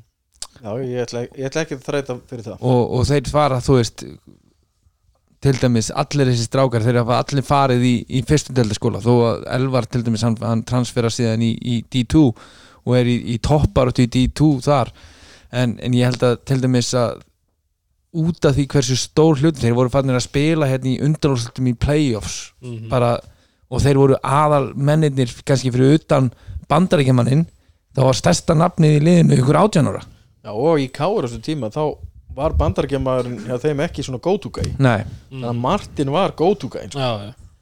Þess vegna segi, ég, ég held að þetta tímambil hjá Martin ef þeir hefðu verið með ef þú horfið bara á tímambil eins og, eins og er í dag ef að hann væri í tindastólsliðinu í dag þú veist, 17-18 ára uh, leikmaður þú veist, 2012 hann er hvað, 94 mótil, 18 ára. Að þá held, held ég bara að hann hefði ekki verið hann hefði ekki fengið strax svona rosalega út af það hefði verið atrumenn að, Í spottinu í spottuna sem hefðu tekið 30 En er, er, er, er þá vandamál ekki bara talent scouting hjá íslenskum þjálfurum eða?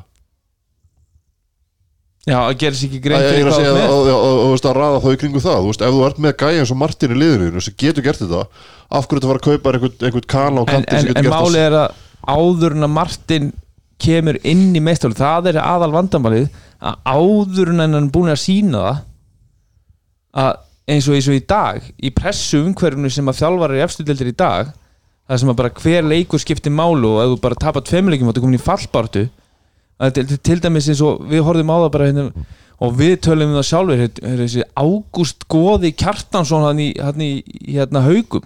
Þetta er mögulega bara geggjaði spilari. En hann bara byrjaði inn á í staðinn fyrir einhvern annan og spilaði meira og byrjaði inn á í einhverju leik, auðvitað var hann í haukalegi sem var ekki með kana. En í þessu umhverfi sem við erum í dag, ef þetta er ekki bara landslismadur boss, einhver, bossmann sem við erum búin að sjá búin að spila á háu level í Evrópu bandaríkjumadur að þá ertu bara hefur þessi gæri byrjunleginu hvað er það að gera, hvað er þjálfarinn að hugsa? Pressan að gefa einhvern gæja sem hefur aldrei sannast áður er mjög erfið. Hún er mjög erfið en þú veist, þú verður svo að taka svo ákvarðanir. Ef þú ert með einhver talent sem getur spilað og þetta spara pe þú veist, pening fyrir deildinu á sama tíma. Já, en allir strákar sem að koma upp 17-18 ára, þeir þurfa að fá að gera sín mistök. Þeir munu ekki performa. Akkurat, það er sem ég er að segja Þú veist, að, að þú getur ekki farið alltaf út í þetta tímabil að hvert einasta lið ætli sér úr Íslandsmestari Það er basically liggur vandamálið. Að, þú, að þú þróar ekki leikmenn á meðan það er í gangi. Íslenska, En á- á- held á- íslenska umhverfi þyrfti þá að fara meiri í það að fyrsta deildin okkar er yrði þróunadild Þarna kemstu með hittur í naglan á höfu ég held að það, það er nefnilega, þú veist þyrftu að fara svolítið í það. En þar ertu þá komin í, í svo vandamálið er að fyrsta deildin er svolítið landsbyðadild og 17-18 ára strákanir er ekki tilbúinir að fara þangað þar liggur aðal vesnið sko. Já, eins og staðan er í dag í efstu deild, þá finnst mér eins og fyrsta deildin þyrfti að verða svona, svona þróunadeild þar sem að 17-18 ára strákar fara og spila í hörku hérna, körubólta, þar sem eru tölvert af erlenduleikmunum líka Já, já. koma svo tilbaka í, í sín lið búin að fá smá reynslu og, og, og, og fá að gera sín mistök og sína bara, herðu, ég er að fara að verða hérna einn af bara, þú veist, ég er að fara að verða alvanslimaður Já, þú veist, er, alveg sammála því að þú veist að þyrst að gera eitthvað þannig en af hverju má samt ekki bara vera að þú sést bara með liði í úrvastild og þú sést bara stefna því að vera bara í deildinni hugsanlega ná upp í ústakefni að búa til lið þannig? Þú ert, þú ert með fullt af efnulegu strákum. Hugsa þess bara, ok ef, þetta, þetta lið þá erum við að fara að halda okkur uppi eftir tvö ár með sama lið þá getum við að fara að kemja titla.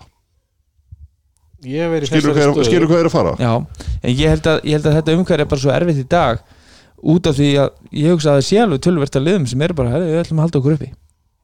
En, en til þess að halda sér upp í dag þá þarftu bara fjóru útlendinga eða eitthvað, þú veist, Já, ég, veit, ég, ég er að tala þú veist með þessu þá er þið deildin aðeins skiptari. Já, þú veist, en í dag erum við að horfa bara á það að það eru bara átta lið sem að fara inn í tífambli til að verða meistarar já og, og þá þurfa hinn fjögur bara náttúrulega að, að spila með til Ég er að segja það og bara þú veist ef þú þú ætlar að ná í einhverja, sigra þá þarftu bara að vera með sterkara lið. Já.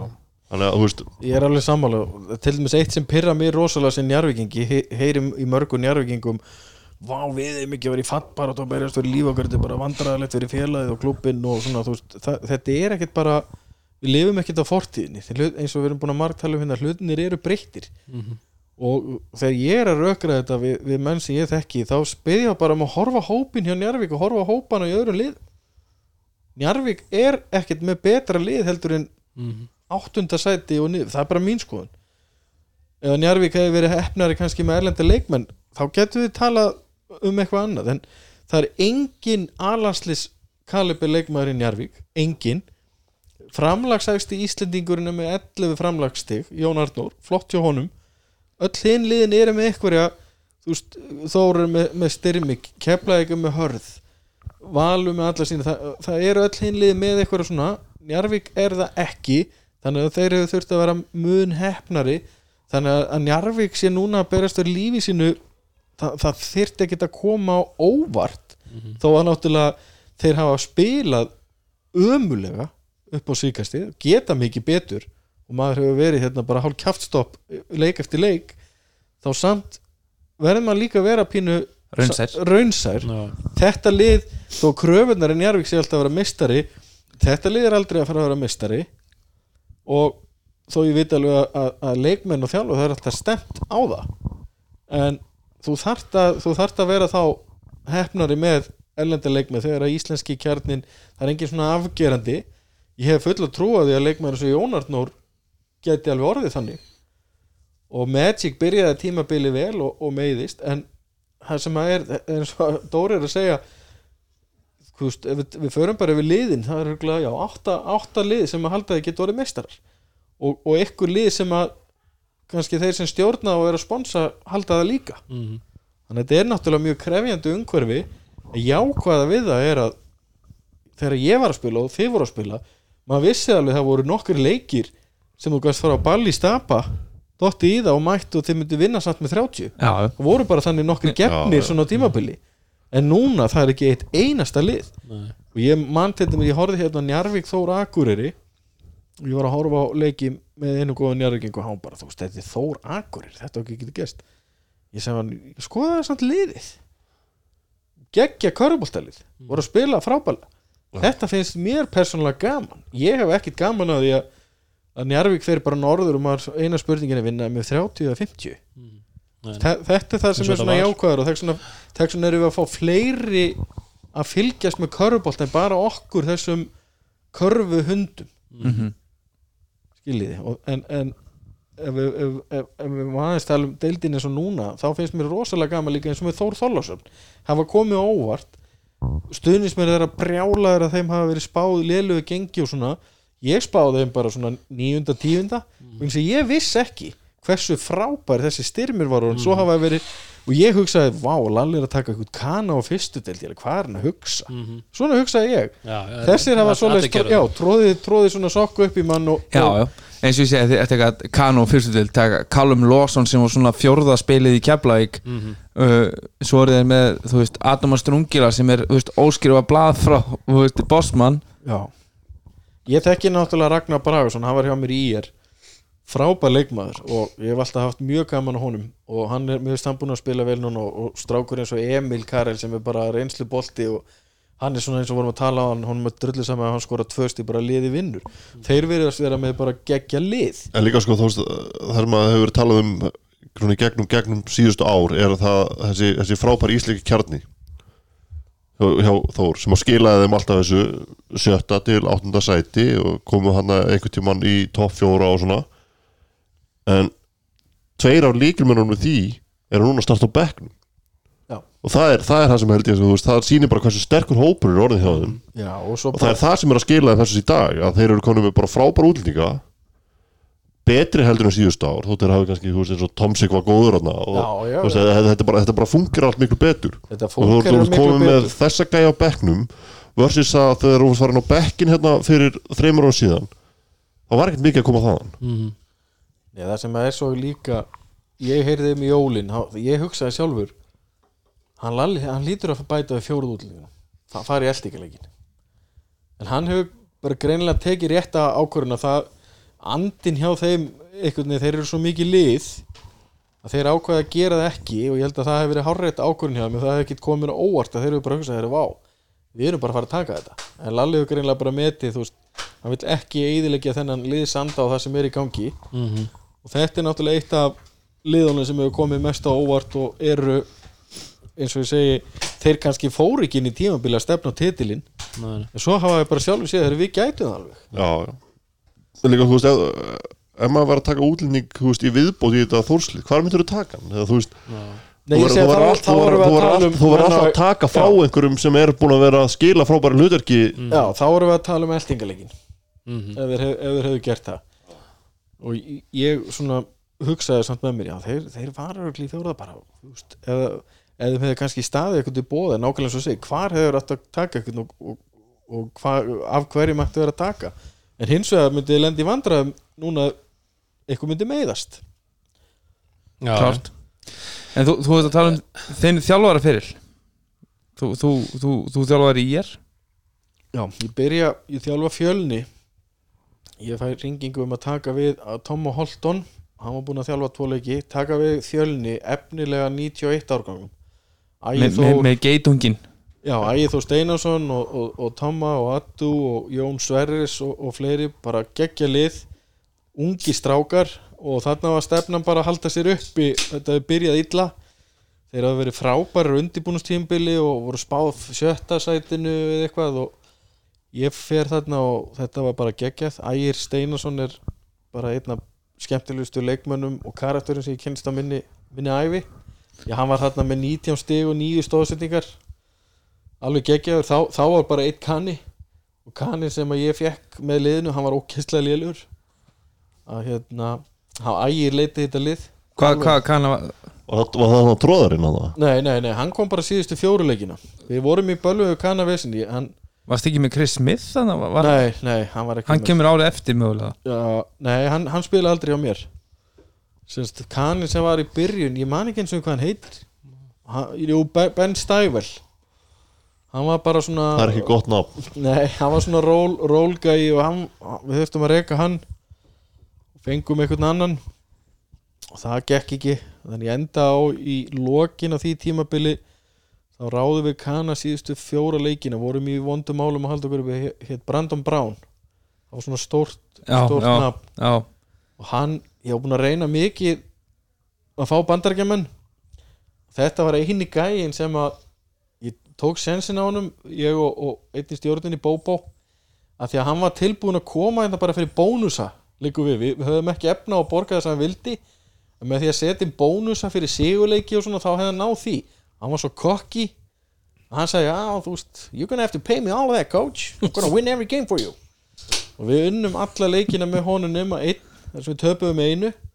Frægur leikinn upp í grindag þar sem hann og Óli Óla skiptist á tróði við annan en þetta var algjör eðal gæi líka og þegar ég man fyrsta leikin sem við spilum og unnum og held að það var í Ísafirði þá fekk hann bónusin sinn bara í umslagi.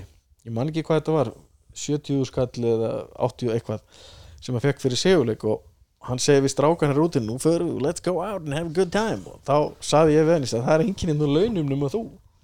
Og hann var svo gátt að bara ægir, not getting paid. Ég leið, nei, hann er ekki að fá neitt þannig að hann fór og bauðum öllum út að borða fyrir bónusu sin og þá náður, þeir náður allir svona góðu, góðu sambandi og, og hérna þetta tímabil var geggjað. Ægir þarna ég, ég hafði séðan yngjaflokkum og þjálfa á mótonum nokkur sinnum.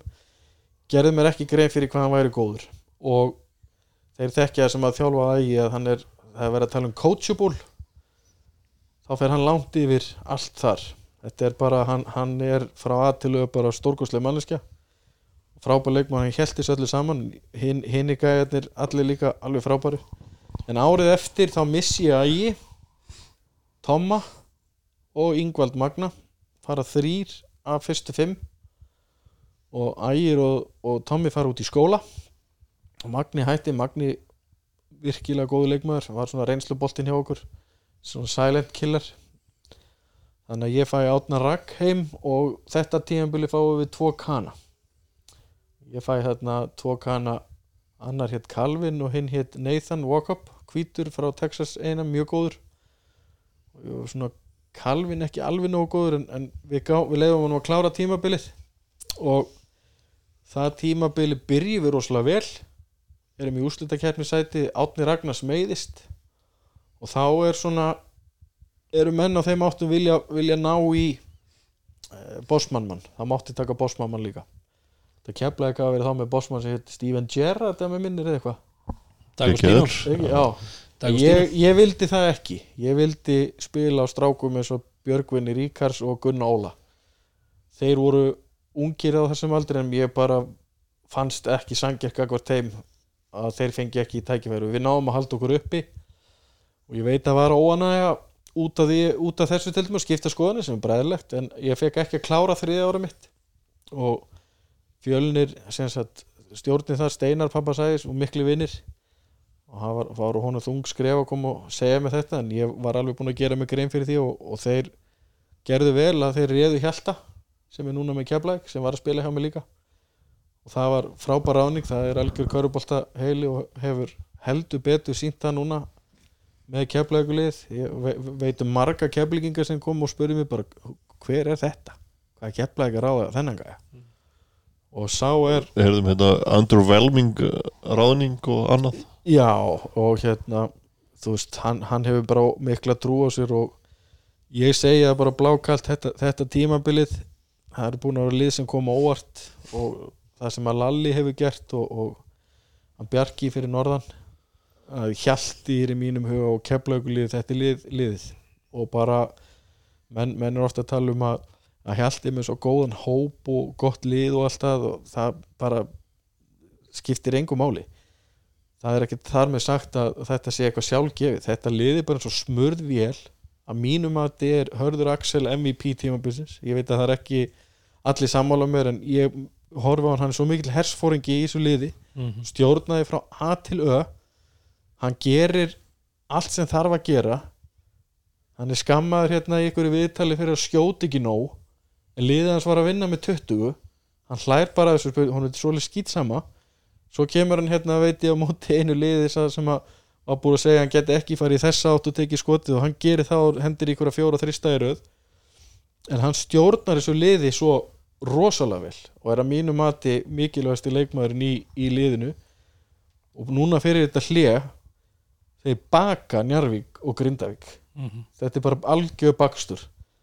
Ég sá, sjálfur sett á lengjuna ég sett á grindvíkingana móti keflaði ég segi að kemur aðeins núna þeir tapa. Þeir eru svo hátt upp eftir að vinna Njarvík horfðu á hann á fyrsta leiklutu og horfðu á lengju með hann brennu en þarna hugsa ég bara eins og núna með stoppið að hversu grátlegt er það fyrir þetta keflaugulið að fá ekki að klára? Ég veit að menn segja að þeir eru deildamistar þeim er dröllu sami deildamistar þetta er það er allir að reyna að keppa við keppleik, það maður heyrði það í sömar já, maður finna mann hérna sem er með Milka og Dín, þú veist, það er allir að reyna það. Þú finnur bara ekkert svona menn. Og skemmtana ígildið í þessum Dín. Þetta er bara sjúklega gaman að horfa á þetta. Ég meina ég er njarvikingur og það, það er mikill rígur á milli. En ég kann rosalega vel eins og hörðu og held og, og flesta strák og ég bara hörður Axel, mér finnst bara grátlegt að hann sé ekki bara í Njarvík hann var hjá, ég var aðstofað þjálfur 2008 hjá Teit, fer í Njarvík og hann ætti bara að vera í Njarvík það endaði illa, hann var ungur og, og hérna hann voru já, hann, svona ákveðin ákveðin öflatni í stúkunni í Njarvík sem að voru með óraunhæfa kröfur á hann og leta hann heyra það oft á tíðum sem að var bara grátlegt. En ég hef, hef gaman að ég að sjá hvernig held að vinni mínum gengur með þetta keflaugulið ég held að að mínum mati þá er þeir það team to beat þó að hin, hin liðin hafa nú heldur betur styrt sig. Mhm. Algjörlega. En það er einmitt annar leikmaður sem er búin að stíga heldur betur upp á, á tímabilinu Mattias Orri. Og það, það var hitt head coaching jobbi hjá þér í, í efstudeld, í Íringar. Já, það var frábært að fá að taka af ír þetta s- sögu frá stórveldi og Herbert og, og fleiri góði menn fengum mig til að koma ég var mjög upp með mér, ég ætlaði nú ekkert að vera ætlaði bara að vera í ynglokkunum. Gæti ekki sagt nei. Herbert er mjög samfærandi maður og ég sem sagt er að raði liðið og, og Matti strákur sem ég þjálfa í 94 árgangnum hann kemur til Káar bara nokkur vikum eftir að hann kemur heim þá kemur Pavel heim aftur. Þannig að ég heyri í Matta og pappans og þeir voru til í þetta að koma yfir í er og ég er mjög þakklátt úr káringunum. Þeir voru þeir eru nú bara að uppskýra núna að skilja við hann í góðu. Böðvar og þeir, þeir bara ekkert mál. Þú hérna við vitum það, þú veist, þú ert að fara að vera eftir Pavel og, og öllum þessum leikmönnum sem voru og, og hann vildi bara vera maðurinn.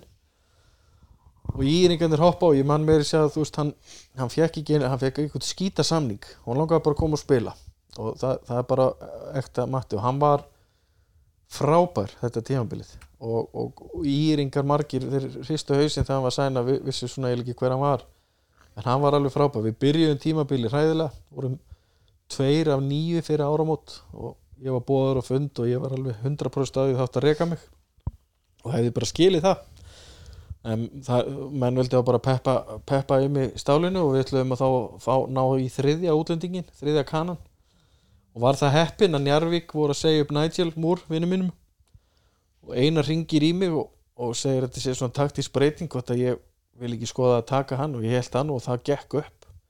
Það hefði ekki allir atvinnumenn vilja koma í lið í fallseti úr liði sem var í frekar svona ofalega deildinni. En Nigel sló á og bara ég held við um unnið sjö að fyrstu nýju förum í byggar og slitt grátlega nánalt í að fara í playoffs. Og íringarnir vildu halda mér áfram en ég var í annari vinnu eins og menn vita sem er í þjálfun í Ísland, þú lifir ekki bara þjálfun. Og var, þetta var að fara að reka svolítið á. Þannig að mér fannst ég ekki geta gefið að mér nóg og það hafði áhrif á mig á tímabölinu ég var stundum að mæta sent, ég var kannski að fundi í vinnunni. Og þannig vildi ég ekki gera þetta. Og mínir styrkleikar voru svona á mótiverra og, og fá þessi stráka til að trúa á sig og unnum marga leiki þannig. En ég hefði þurft að hafa miklu meiri tíma til þess að hella meiri taktík og skipulag og annað. Og eins og Rúna þú þekkir sjálfur sem þjálfari þegar maður ætlar að vera í þjálfun þá er þetta bara orðið svo miklu miklu meira starf heldur en þetta var. En mér fannst rosalega gaman að, þjálfa ég er hugsa mjög hlýtt til þér og ég er ánæður að sjá hvað Borsi hefur gert vel. Þeir voru bara hársbreytt frá því hérna árið að vera Íslandsmeistarar. Núna í þessu COVID búin að horfa gamla úslita leiki hvað káringarnir, þeir eru búin að vinna hérna, hvað sex í röð hvað er hafa nú verið hefnir oft í þessum einvíum og það fylgir náttúrulega meistur já, já. þú skapað þér eigin hefni Já, það er, ég er alveg sammála en ég er búin að horfa í þessu COVID. Ég ætla nú ekki að fara að horfa á gamla leiki í þessu COVID þá, guppa ég bara sko. en að horfa nokkra af þessu leikjum eins og það er að Bonná fekk þrjú sko til þess að klára þá. Og klika, já, Já, og svo missa íringarnir bandarækjamanni sinn í, í meðsli og svona hitt og þetta en auðvitað eins og Dóri segir, þú, þú öll, öll meistarlið eru, eru heppin en, en það er nú eina ástæðan fyrir ég vil líka sjá þetta mót klára, ég vil sjá eitthvað annar nafni á svona byggar, þetta er um káar sko. hver segir að það verði bara ekki þeir Það ah, það má ekki afskrifa það, Nei, ég er alveg sammála því. En En eh, svo, þú, þú, þú, þú ég heyri bara hvernig þú talar um þjálfun og, og svona passionið og þú talar um að bara Friðrik Ingi á, á þínum uppvægstar árum hafi svona komið þér inn á, á, á þjálfun. Þú hefur hvað fjóru sinnum með eitthvað svoleiðis verið aðstofþjálfurinn í Arvík er, er, er Örvar Kristjánsson hættur að þjálfa? ég með að við það starf sem ég er í dag. Ég þurfa örugglega að byrja aftur í haustu og Æsland er frá hausinn. Þá maður farið kannski eftir nei, ég, ég hætti, ég var komið bara alveg nóg. Var í yngirlokku þjálfun. Og maður finnur það sjálfur þegar maður, þú verður að hafa passjónið og, og bara tíman maður var að mæta þreyttur í þjálfunina og gaf ekki alltaf þessu og leikmenn skinja það bara með yngirflokkun líka. Það er ekki sangja eitthvað þeim og sjálfu þér. En ef ég fæ þetta passjón aftur þá það er ekkit skemmtilegra. En þetta er búið að breytast svakalega á stöttum tíma. Já, Mm. og það er, það er svona ég, ég öfunda ekki jú, ég öfunda kollega mína að vera í þessu. Þetta er, það er ekkert skemmtilegra heldur en á leikdegi að fara upp í hús og, og vera með liðið sitt og, og, og spá, og spökulegra en náttúrulega umhverfið er orðið, orðið allt öðru og það, það verður engin það getur engin lifað að því bara að þjálfa körubólta nema og sér bara hellir í og þjálfur eitthvað þrjá fjóra yngjurloka með og það er bara, ég skil ekki hvernig sumi menn geta þetta. Ég með þjálfun aðstofa þjálfari ég get alveg hugsað mér að fara í eitthvað solishlutverk aftur. Ég, ég verið með teit ég var, tók eitthvað um að leggja með vala yngimyndar, einari og einhvern tímann þegar Siggi var Siggi yngimynd, þetta er engin smá þjálfarar og það er hægt að læra eins og þegar ég var í þjálfun það var í miklum samskiptum oft eins og við teit og frikka. Bara svona að fá þeirra ég held að menn gerir ekki grein fyrir að þjálfarar í deildinni þeir tala mikið saman. Það var allan þegar ég var að þjálfa. Menn svona já, bara skiptast á á, á, á ákveðnum hlutum. Ég er mjög þakklátur eins og, og Fr- Friðrik Inga hann er svona mín, mín fyrirmynd í þessu. Mér varst mjög gaman að sjá hann koma aftur inn í þjálfun. Menn eru oft bara sagt að um 50 bara hérna á Íslandi þá sérstu bara búinn. Þú veist, ho- horfum bara á erlendis það er bara kjaftaði Mhm. hann hefur ennþá gríðarlega mikið fram að færa. Og hann kom, komið svona nú það er enginn sem að uppdeita sig jafn mikið á hann. Þú veist, ég, ég vinn á nætuvöktum og ég sé mjög oft þá heyri ég svona bing bing þá er hann að senda á mig, hann er að horfa leiki og spá í sástu þetta og svona hann er, hann er rosalega aktífur í þessu öllu. Sama með, með, með Tate við stildum með synd að Tate sé bara alltaf í körbóltakvöldi, hann ætti alveg heima að geta þjálfað, en það er komin upp ný og spennandi kynslu og Darri í K er einn af þeim og eins og Dóri segir, það má ekki afskrifa K ekki séns En þú hefur ekkert svona eh, fyrsta head coaching jobið það var í hvernaboltanum út í Grindavík það sem þú ert reikin eftir að vera með 100% sigur hlutall Já, það hefur ekkert svona slögtið í nistan nei, það hefði nátt að gera það. Ég, gerði það, gerði það tíu ára setna Já, ég var hérna sigursælisti þjálfari í sögu Íslandi 100% sigur hlutall 3-0 Nei, það var, það var hérna skrít, skrítin tími að vera rekin en eflust höfðu þau bara á, ástæði fyrir því. Það komið náttúrulega upp sögur að eitthvað verið eitthvað hóki-póki í gangi sko sem var náttúrulega bara algjör spull en það, það pyrraði mig mest. Ég er alveg sáttur að vera rekin bara fyrir að liðluð þjálfari en ég hef aldrei nokk tíma verið í einhverju einhverju, einhverju misjöfn en ég sem sagt þegar ég var, mér var sagt upp ég var ofslega reyður og fúll og en var þá fó beint í að vera aðstofþjálfur hjá Njarvík við erum byggamistrar og ákvað svo árið eftir bara að spila.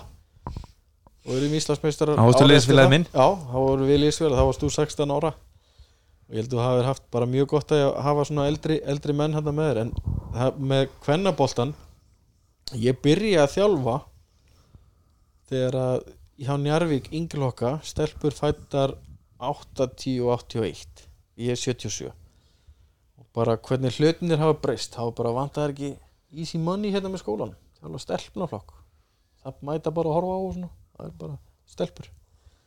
Hlutinir hafa breyst. Og það er alveg og ég er mitt mann með þessar stelpur. Ég sagði þetta við þar og það er svona þær voru í sérili og endur í aðrili og þetta er svona ef ég horfði tilbaka ein- einn af skemmtilegustu hópunum sem ég, ég hef þjálfað sko. Áður, áður við hættum að tala um Örvar Kristjánsson bara sko, þá, þá ætla ég að graf upp úr eina sögu út að þú talar um Ægi Gunn og, og, og Loga og, og, og tímana á, á hérna Reykjanesveginum. HM 95 það er uh, klassík H, já, HM 95 í handbólta já, það var mjög gaman við vorum hann heimi á ægi og þetta var nú að fyrir tíma internetsins. Þarna var mamma spún að fá að nýja tölvu og það var þetta að gera alls konar svona hljóð í henni. Og þetta var bara, þú veist, þetta er ekki eins og í dag. Þarna bara skal ég segja, þá tækni nýjunga bara og ég, ég hafði mjög gaman að gera símrekki og þarna var fyrsti leikurinn og það var löngorð uppselt. Ísland svissið eitthvað í lögðarsöllinni þannig að við vorum með símaskrána og vorum að ringi fólk. Ég þóttist að vera einhver útastætt á bylginni þetta er HM-leikunni, þú eru unni tvo mið á Íslands viss og allir alveg bara, yes maður. Hvað var ég að gera, þú er bara að mæti í öllin þetta verður á umslæði þínu namni ég held ég að ringt í 10-15 manns. Svo enda ég á að það hansar eitthvað konu, hún, já við bara því miður er erfitt fyrir okkur að komast. Maðurinn minn, hann er lent í slið, hann er bundin hjólastól núna til eitthvað tímabundið og ég sagði, við rettum því maður, þið mæti bara. Ég man að það, það mætti þarna alveg fullt af fólki sko. Svo var ég komið í saminskupið og var að reyna að grafa upp í símaskarni hverju ég ringt í. Varst búin að steingleima sko. Þetta er svona þetta var mjög gaman. Það var mikið bralla hann í skúrnum og ég man hérna við vorum á þetta fyrsta tímabili sem ég var í meistarloknum þá sem sagt eins og við vorum að tala um prísísón og stjörnuna mætti ekkit alltaf á prísísón sko. Teitur og þessi kallar svona ég man að við vorum á í valsmóti og Teitu var enda mættur en það voru menni svo Kitty og fleiri ekki mættir. Þannig að stóru menninir hjá Njarvík var ég og Palli Kristins. Við vorum þá samanlagt 100 kíló. Og að hægra læri á mér í dag og við vorum að spila á Skagan. Þeir voru full mannaður og voru þarna með Gana Milton Bell.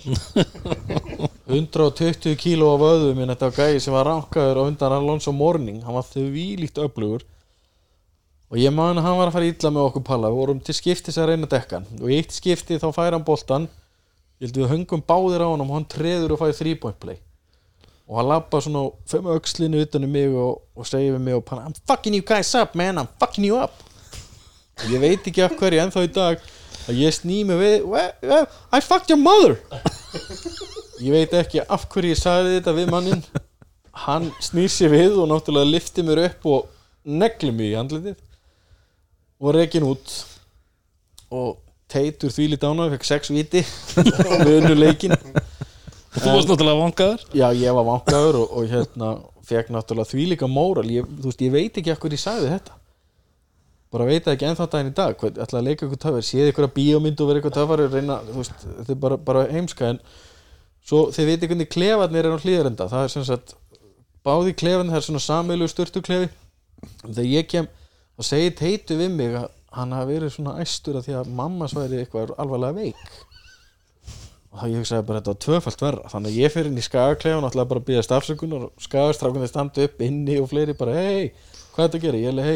just wanted to say I'm sorry about your mama. Hann er, what you say about my mama? alveg brjálaðu sko. En svo þegar þeir koma að spila hérna verið sunna þá hittist við á Pizza 67 og leistum og hann hló rosalega mikið og fannst mjög gaman þegar hann heyrði hvernig ég var hektur í að fara að, hérna. Að Teitur hafi verið að Já, ruggla hann fannst það mjög fyndið. En, en hérna, hann, hann, hérna, þetta var geggjaður leikmaður. Og það er svona gæ, ég held að hann hafi verið með bónus á stig og frákast þegar hann var upp á skaga það var yðurlega skila tölum 30-20 og eitthvað svona. En þetta er svona tí, tíðarandin í dag, þetta er ábyggilega orðið fórsíðu frétt á DFF á Já, tíma. En, en á þessum tíma ég tek það fram aftur að- að við, við leistum þessi mál og hann hló, hló mikið að þessu og, og hann sagði líka bara við mig hann sagði, þú þú, þú, þú dissar ekki móðu mína sko. Nei, nei. Og hann sagði, þú hefur þú hefur nú gert það sama í dissa móðu þína. Ég, sen, ég veit það ekki sko, ég hef ekki þórað ég hef ekki bara álið hissa sko, svo Já. þá, þá hló hann bara ennþá meira. Við, við leistum þetta og hérna og þetta end, endaði betur en ég man alltaf samt þetta, ég að teita var ána því við vorum að tapa með fjórum eða hvað þetta gerist og fengum bara endalist að vítum hann fekk ásetning og tækni vill því það þurfti að róa niður og allt og þetta voru náttúrulega mjög áhugaverð mót Þessar, Þetta var náttúrulega hraðmót vals Þetta var spilað Ja, var þetta ekki geggjað. og sakna fjóru þessara sinnum, móta fjóru sinnum átta mínútur Já. eða, eða sex mínútur eða eitthvað Þetta var, þetta var mjög gaman, þetta var bara upphafið að tímabilun já, já það er líka ótrúlega Sáma kannana Ég- einmitt, einmitt, þú segir það, sá, sá skannan það eru ófáir leikmenni sem hafa engungu spilað í hraðmóti vals. Já, ég get sagt, ég get bara sagt þér leik. ein sem að munaði mjög litlu að hefði bara spilað í valsmóti og væri bara glemdur þannig hérna á Íslandi, það er Damon Johnson. Já. er það? Já, þegar hann spilaði á valsmótinu þá var hann ekki að impressa neina. Og menn töluðu af lögum, ég held að Siggi nú svona svo sem vitað og séð og með hjálp og Tom og svona. já, en, en það var, það var hávarir orðrómar um það að hann, hann bara gati ekki í mótinu. Hefur eitthvað kanni sem Tommy hefur komið með verið rekin bara strax? Nei, klikka Tommy bara eitthvað var, var hann ekki með þess að kalla sem komu þarna? Fengum oft hérna nokkra tímabili byrjun, vorum við oft í ströggli. var ekkit Ég man nú eftir einu sem kom hérna það var nú fyrsta eða annað tímabili mitt það var Glo Glover Jackson. Já, Glover Jackson, hann var hann er ekki frá Tomma. Það er Ég, ég hlýtur að hafa verið Tommy, Tommy var uppáhaldi með alltaf er að á þeim tíma var að horfa á uppbytun þegar hann var að tróða upp úr Já, hann, körfunni. hann, var, Já. hann var í Harlem Globetrotters. Já, hann fór alltaf svona tróð svona í gegnum netið og já, já, svo, var, svo var hann rekin sko og hérna, en það gekk eitthvað En erfilega fór frá- ekkert? Nei, hann hann var hann var sem sagt, hann var rekin og hann var búin að vera alveg 5-6 daga sem rekin, hann fílaði svo skemmtanalífið hérna. Já, já, og svo hitti maður hann í stabanum sko.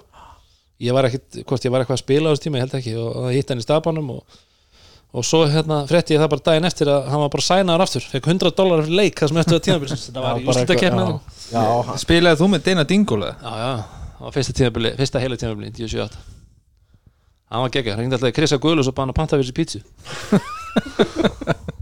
Bjó í einhverju svona einhverju mjög ólöglegri íbúð eða blokk hérna upp í, í hérna einhverju, þetta var einhverju hjólageimsla eða eitthvað sem hann var í, sko, við tíu fermetrar. eftirminnilegasti leikmaður sem hann eftir sem var rekin bara í valsmóti var Dink Peters Dink Peters Já, hann mætti bara, hann var í þannig formi eins var og hafi verið 170 kíló. COVID í átta ár á staðnum sem hann var að koma frá sko. þetta var auðvitað fýll ég man bara að ég fekk, ég var ekki að fylgja sem að það var bara hringt, þú verður að koma og sjá nýja mannin hjá Njárvík ég leir hann gegjað maður. Sjóni sögur ríkar, ég man ekki hver að var að senda og ég mætti bara fyrsta lagi þá var hann bara í öðru í búningan þetta hérna, það þurfti einhvern veginn að finna það út. En greinlega kunni körfu. Já, og það voru einhverju sem vildu spila honum í form og hann hefði þá líklega verið tilbúin fyrir tíðinbili 2019 hann var í það ræðilegu hvenar, hvenar var þetta? hann myndi á sko, e eitt skipti kem ég sko, fyrir, þegar ég var í meistarlók þá eitt tíðinbili hjá Frikka Rúnas þá sem sagt ákvæði ég að taka prísi í svona á Benidorm. Það er alltaf góð hugmynd. Já, ég menna þú veist, maður held maður væri svo góð og allt það. Og, og hérna, Frikki var ekkit sáttur. Og var að- og, oft að segja mig, ég man ég var á ég framlengdi mér, þetta var þegar maður gætt farið á fundin hjá farastjórunum daginn fyrir brottför. Það var eitthvað geggja jam kvöldið og ég sagði, hvað, eitthvað gríni, hvað er ekki laust í viku viðbót, jú, það er einmitt hérna hjón sem að þurfti eiginlega að komast, ertu til? 29.9, jú, já, já, tökum bara eh, tvær vikur svona viðbót. Held ég að vera eitt seinni vikun en þegar ég kom Frikki var þá búin að plana fyrir mig bara einstaklisæðingu og einhverja, svona, hendi mér í tveggja minna testið. Er svona að hlaupa tíu ferðir fram og tilbaka við völlin náði ég á undir mínútu. 15 sekundur pása. 15 sekund og náði ég aftur. Og Frikki sagði við mig þegar þetta var búið ég náði fyrirferðinni 58 eða eitthvað. Svo bara náði ég fjórum ferðum og þá bara fekk ég hlaupi og datt bara. Og ég kláraði samt en það var okkur um tveim og Frikki sagði. Og það er bara ekkert langt síðan þetta var versta test sem hann er nokkuð tíma séð með því að Dink Peters hefði ábyggilega gert betur. Þannig að ég ætti nú kannski ekki mikið að vera að gera grí, grína að, að forminu hans. Ég sem að ætla alltaf að hlaupa hérna úti á beini glemdi ég svolítið svona. Eins og gerist. Já, Ég Ég var, var þetta Dink Peters, var þetta eftir að Dwight Stewart var þetta? Þetta er á svipuðum tíma sko. Þetta, þetta Ég er að pæli sko, þetta er Dwight náttúrulega þetta er náttúrulega eftir Rondi, lítur það en Dwight gætt spil Ég, það er það sem ég að segja, en þú veist, þarna kom kannski í hugmyndin, heyrðu, ok, já, fáum eitt svona, já, svona vel þétta. Ég held að þetta sé- var ekki, var ekki Dwight hérna, háskólamistari Já, Arkansas spilaði með Svaka, Carlos hann var frábær. Hann var geggjað, Frábær. frílik skita maður ég, ég sá hérna háskólavídeóið af Dink Peters hjá Frikka Ragg frænda mínum á þessum árum, þá var hann fyrirlið liðsins og kom, kom og síndi pappa gamla. Heru, þessi, þetta er gæðin sem er að koma til okkur og kom með Vaff á S-bólun og, og, og spila þetta fyrir okkur. Og hann, hann var geggjaður í college.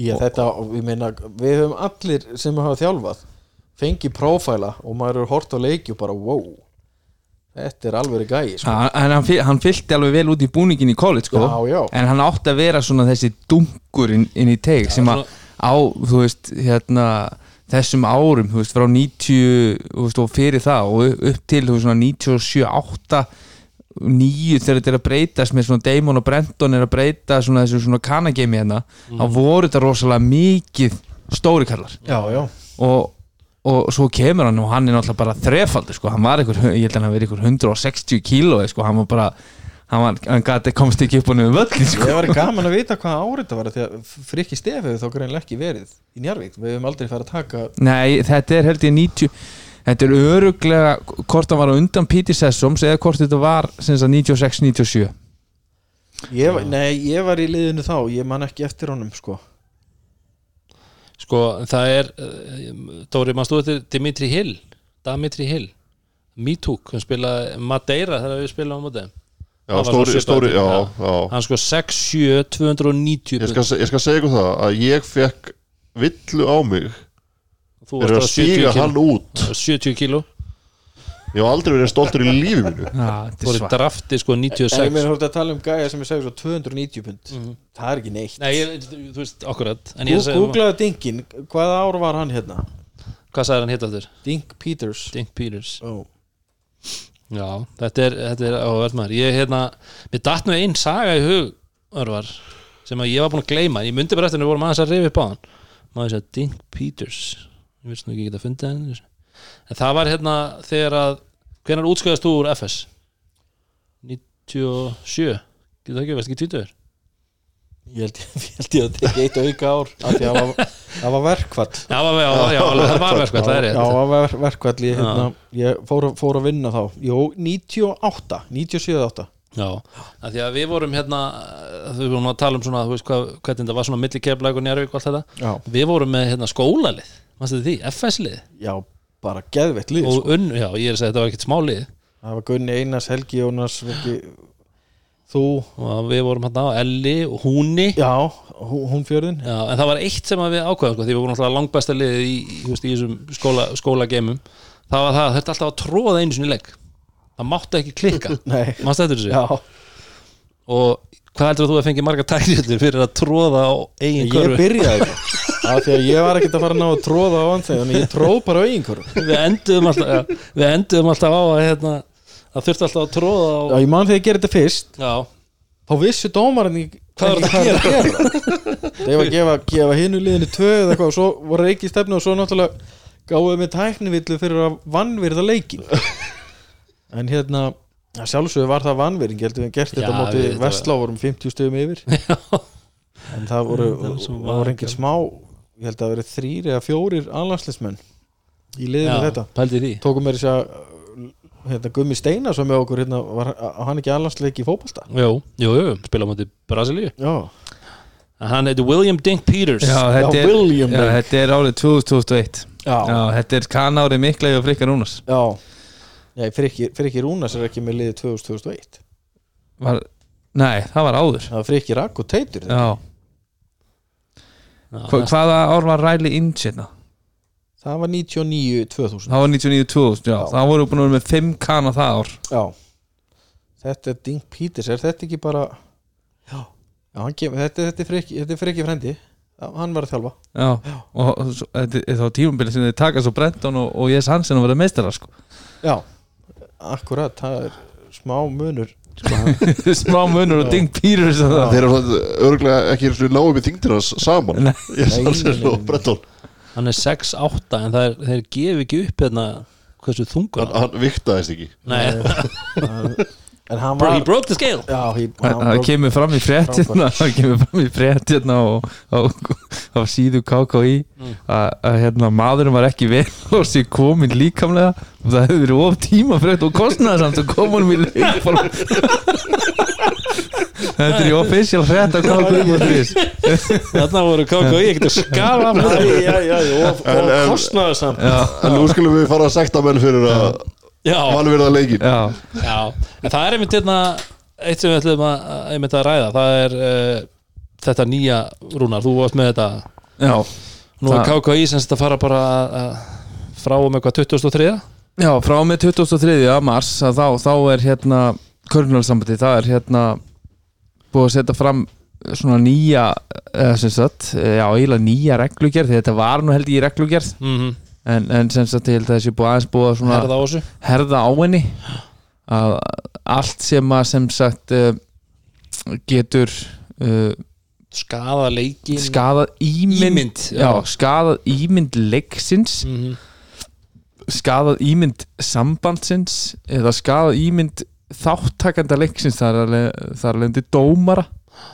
Og, og, og já að allt sem getur komið upp í, í viðtölvið fjölmila hvort sem það er í á veðmilum, í sjónvarpi í hlaðvarpi eða á samfélagsmiðlum Mhm. að það verður tekið hart á þessu og þá vantar að ég fór mig sekta eða eitthvað, eitthvað þannig. Menn hefur gjaldrótt að taka dóminóspjallið Já. í þessu sko, þá að vera sagt innar hægri vinstri. Já, þú veist, eh, hversu langt ætlar að fara? Þú veist, ertu að fara, ertu að fara að horfa á við munum náttúrulega eftir hérna, að leikmaður Grindaugur fekk, fekk hérna, var það ekki hann hérna, Louis Clinch. Louis Clinch. Já, alveg rétt, Twitter. Að hann fekk sekt fyrir hérna, umæla á Twitter. Uh, en e, eru það, þú veist nú, nú, þetta er, þetta er rosalega erfitt að stíga niður Já, bara hvar allar að ta- þú veist, eru allir yfir, yfir gaggrinni hafnir? Já, Þú að, að fara að tengja menn við þú veist, ég veit ekki hva, hvernig þeir ætla að fara að gera þetta. Ég meina, til dæmis, ég mér langar að taka eitt dæmi. Nú, nú hefur gaggrinni verið svolítið á aganemnd þegar þeir eru að dæmi í bann það kemur oft harðorð umræða þú veist, mér, mér persónulega finnst samræmi hjá þeim ekki neitt. Nei, mm og ætla, ætla menn að fara að banna að sé gaggrind ég meina auðvitað þurfum við að spurja okkur eðlilega spurninga. Þegar að einn leikmaður fær þrjáleiki bann og annar fær einn fyrir kannski sama brot og ósamræmi til dæmis, nú maður sé brot kvennamegin sem að ekki tögur dæmt og kallamegin er, er sett í bann auðvitað má alveg gaggrina og þá að vera Akkurat. hægt að gaggrina sambandi líka. Ég meina, ég þekki það bara sem þjálfari. Við erum gaggrindir á hverjum einasta degi og þjálfari þarf að hafa svolítið breytt og leikmenn Já, leik, leikmenn er sjálfsögði minna, það, er bara í, í, í hlaðverpum í, í þáttunum og svona og auðvitað þarf öll gaggrinn að vera málefnaleg og innan ákveðina marka. En að sjálfsögðu má alveg gaggrina dómara, stjórnina þú veist, ef þetta er, er málefnilegt og ég veit ekki hv- hvernig fordæmi ætlaði að setja. Ef, ef þetta verður, verður hvað, ef þetta er stjórnamaður eða leikmaður eða þjálfari eða eitthvað auðvitað þurfa menn að passa hvað þeir segja. Og ég, ég segi það alltaf eins og með þjálfara að telja hans upp á tíu og fá svo eitt kalt vasklas og hann fara í viðtal eftir, eftir einhvern erfiða leik þar sem hefur verið einhver drami og, og passa hvað þeir segja. En að, að því sögðu líka verður að skilja það að menn verða að hafa tilfinningar í þessu. Mm. algjörlega og, og, og það, það er bara líkillinn í þessu og tilfinningarnar er að skapa okkur vinseldir Já, þetta er náttúrulega bara, þú veist að viðist bara einhvern veginn svona bara vera öll vinna unnin að því að taka alltaf tilfinningar út úr þessu. Hvort sem það sé nú á vellinum eða núna eins og þetta, hvar sem er bara. Já, þú veist, þetta auðvitað eru búið að vera fullt af hérna, og við hefum nú, eins og ég segi og Gunni hefur nú tekið hérna, stundum uh, introduction, svona kynningu inn á ákveðin málefni sem við höfum svo sem tjáð okkur um, oft svona í lok þáttar uh, þar sem við tölum um íslenskan körubólta við höfum svona létt snert á, á þessum stóru málum sem hafa verið og það hafa verið nokkuð stór mál. Mm. það hafa verið uh, mál um, um, um sagt, hérna, sagt, bara ósiðleg aðtæfi uh, hérna, innan reyfingarinnar uh, það hafa verið umræðunar um, um Brynjar Karl. Það hafa verið fleiri mál sem hafa verið svona stórt uppi núna undafarið Mm. og miklar umræður sem skapast í samfélaginu. Og hvort að þetta sé að koma svolítið út frá því að, að svolítið er að passa upp á að að, að, þáttakendur innan KKÍ, leikmenn, þjálfarar Mhm. uh, stjórnamenn séu ekki að taka virkan þátt í, í svona samfélagslegum umræðum uh, þar sem er kannski einmitt tala ákvarðanir sambandsins eða eitthvað aðla innan reyfingarinnar, eitthvað Mm. niður Mhm. uh, en, en að samaskapi horfum við bara til dæmis eins og þú nefnir eins og leikbann við, það kemur náttúrulega þessi tilkynning núna frá aganemdi vikunni þar sem að drungilega sér dæmdur í bann og, og það er eiginlega svolítið svona með, veist, með við vídjóið sem allir eru búin að sjá að þá er afskaplega förðulegt hvernig hægt er að dæma leikmannin í bann Mhm. uh, það sem ég spyr mig nú er ég njarvíkingur og, og það átti að vera stór leikur hérna í, í kvöld klukkan 6, Njarvík Grindavík eða Grindavík Njarvík, réttar að sett og það var mikil umræða sem skapaðist um það hvort að Jónas Jarvelarinn var í, í, í leikbanni Mhm. það er ekki stafur um, um Jónas Jarvelarinn í, í úrskurði aganemdar frá í vikunni Nei. en samstendur í reglugerðinni að hann er að fara í sjálfkrafa bann þegar hann er sem sagt, vikið að leikvelli í annarskipti en er það kannski Það, ástæð? þú veist, þar, þar kannski þá að geta Ég segi tilkynna það, eða- ég segi, það er það sem ég er að pæla það getur verið en þú veist, þetta er bara ég, bara, bara átt að sig ekki á þessu hvernig, hvernig þetta er og þetta, þú veist, þetta þarf að vera miklu, miklu skilvirkara já, Já.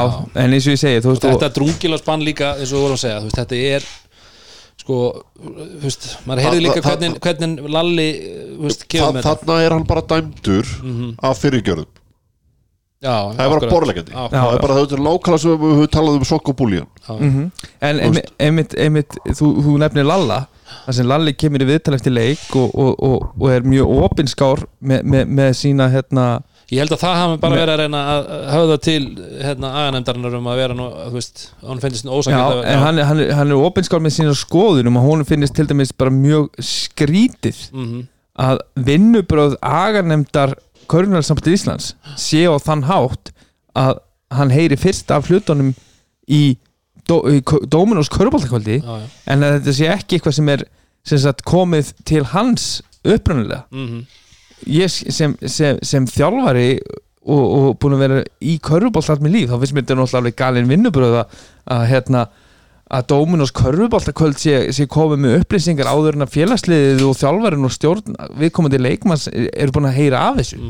En er þetta ekki þá bara eitthvað sem þeirra fengi beint frá stjörnunni, er það ekki bara málið að stjörnan hafi kert þetta?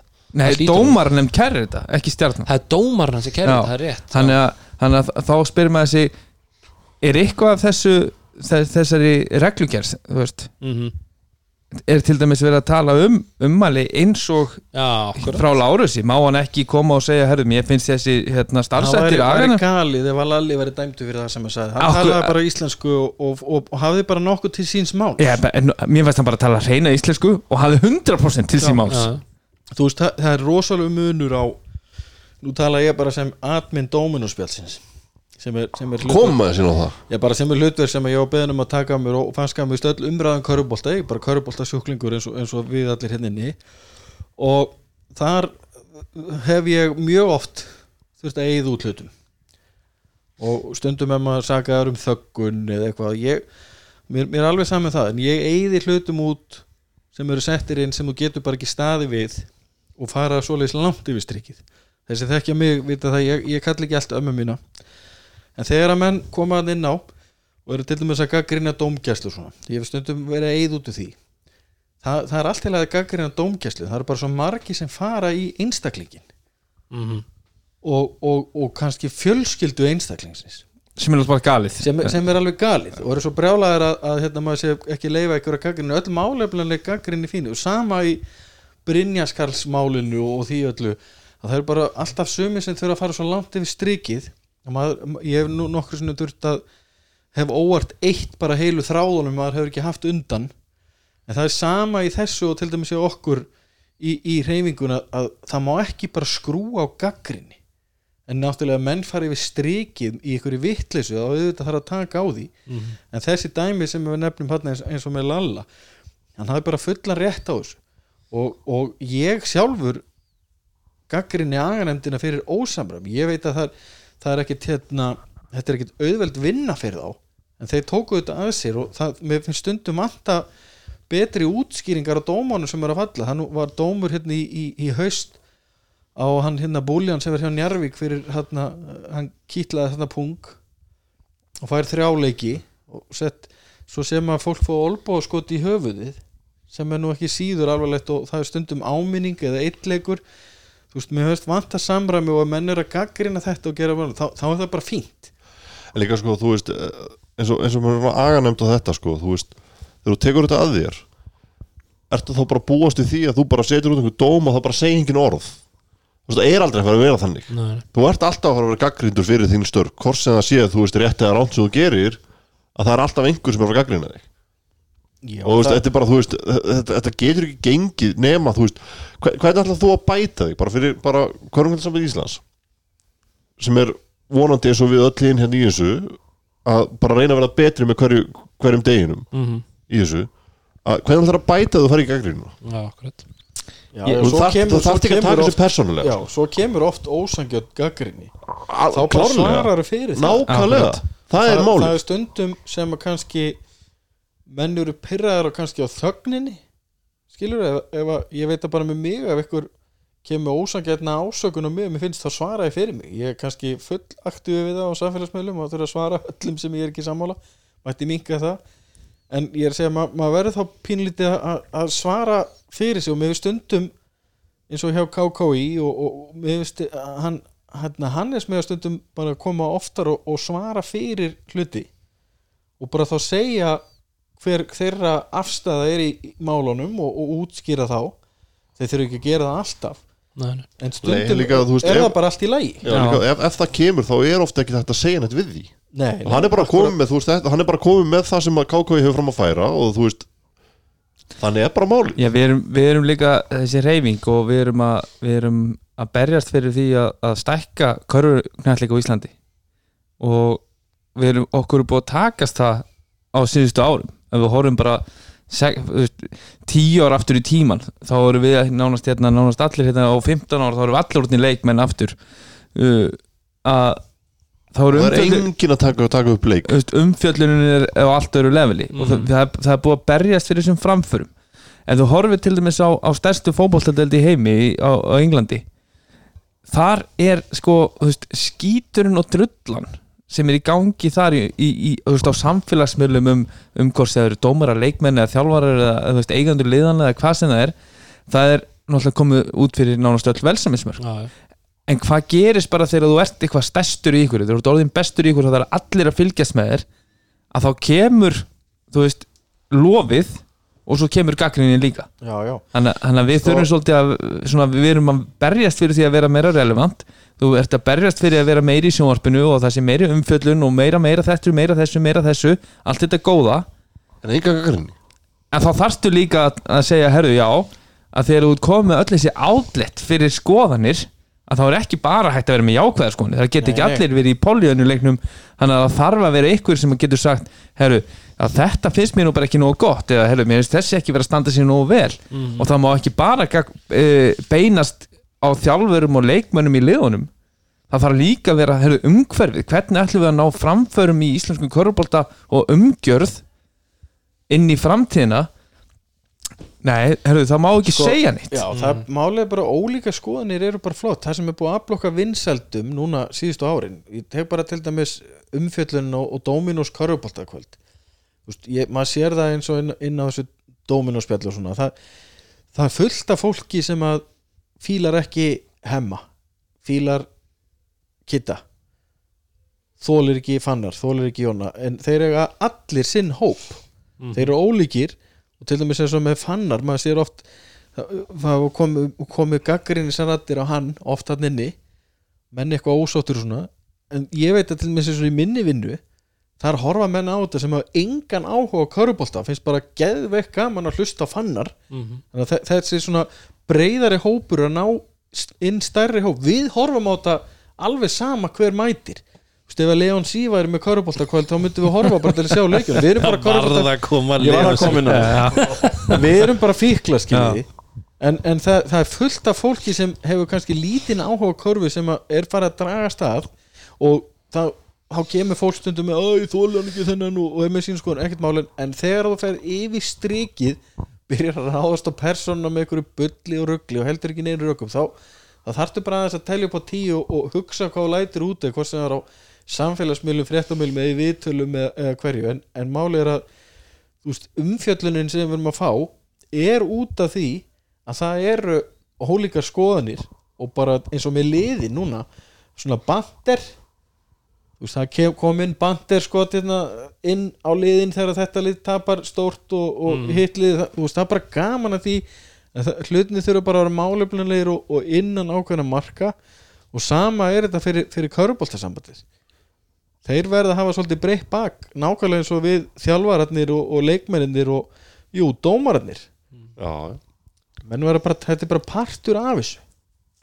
En, já, en voru þeir ekki bara að færa þetta einhvern veginn til? Er þetta ekki bara, þú veist haldið að það sé að vera að herða eitthvað mikið þetta sé ekki bara við frekar að, að KKI er svolítið að færa þetta allt saman niður á veist, ef, ef þetta hefur verið það þá þarf þetta ekki að vekja aðtikla á þessu sko.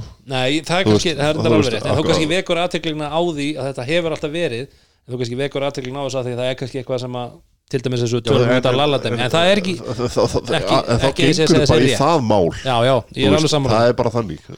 Sko, en þetta er eitthvað sem er rætt samkvæmt uh, tilkynningunni að þá er þetta eitthvað sem er rætt á, á, á stjórnumöndi KKI mm og, og, og það, það er bara vitnað í ákvörðun stjórnar um að vísa öllum ummælum sem geta skadað ímynd leiksins til aga úrskurunenda já, ég er að segja það, þú veist það er og, og þetta er náttúrulega rosalega vítt já, já, Hva, hva, hvað getur skadað ímynd leiksins? Og, þú veist, og svo um, talað um uh, vega að starfsherri KKI starfsmanna og stjórnarsambatins dómar og annara starfsmanna leiksins og, og þetta getur verið í viðtölum fjölmjöla hlaðarpum, samfélagsmiðlum og, og hvaðina veist, til dæmis er þá, er þá hérna, Bjarki Ármann Oddsson uh, núna orðin sekt hefur út og hann, hann gaggrinir það að leikurinn hans hefur verið settur á sunnudegi eh, tveimur dögum eftir að hérna uh, þeir eiga leik veist, á móti stjörnunni. Auðvitað vinnur hann svo báða leikina. En þegar, þegar, þegar leikurinn er settur á og leiknum var frestað þá fannst mér góð og gild gaggrinnis röddin að fá heyrðu, af hverju er ekki hægt að hafa henn að leika okkur um öðrum En líka, degi? veist, sérstaklega því að bara, þú veist, það sem við heyrum frá Akureyri er það að þeir hafa ekki fengið einn svör beint frá KKI Já. Þannig að eina leiðin hans er að fara bara beint með þetta bara, veist, og, tala opinskátt um þetta. Já, og, og þarna koma síðan stjórnamenn og, og, og, og því það voru náttúrulega einhverju póstað til dæmis á dómunuspjallinu þar sem að stjórnamenn og, og menn sem eru involverar í körfun og akkurir voru þarna svona til dæmis Hrafn og fleiri sem var nú á skýslu held í síðasta leik að að voru að hérna svona vekja aðtekli á þessu bara máli kalla því þú veist bara veist, Þannig að ok. það verður frólægt að sjá hvort að, hvort að þetta muni Já, ég, ég búa að, til að eitthvað- fa- fara ekki að stíga þennan dans. Ég held ekki. Að fara, fara eitthvað vísa hlutum, ég held að séu bara að skerpa á að svona alvarlegustu hlutunum getur verið vísað. Ég meina, Já. ef, ef við tökum veist það- Brynjakarstæmi með þetta aðþinu hérna, mál allt saman þá hafa þeir forsvarsmenn þar komið fram oft og, og sagt bara að KKÍ sé bara á móti þeim og, og, og vil ekki gera neitt og, og allt það en gleyma að benda að KKÍ í þeirra máli er ekkit annað en félögin því að félögin búa til reglunar Já. og ég reyndar á síðasta ástengi þá var vist góð umræða og, og hérna flott tillaga hjá þeim sem að ég persónlega hefði samþýgt sem að var sett inn en fekk ekki fekk ekki brautagengi það er ekki KKÍ að kenna.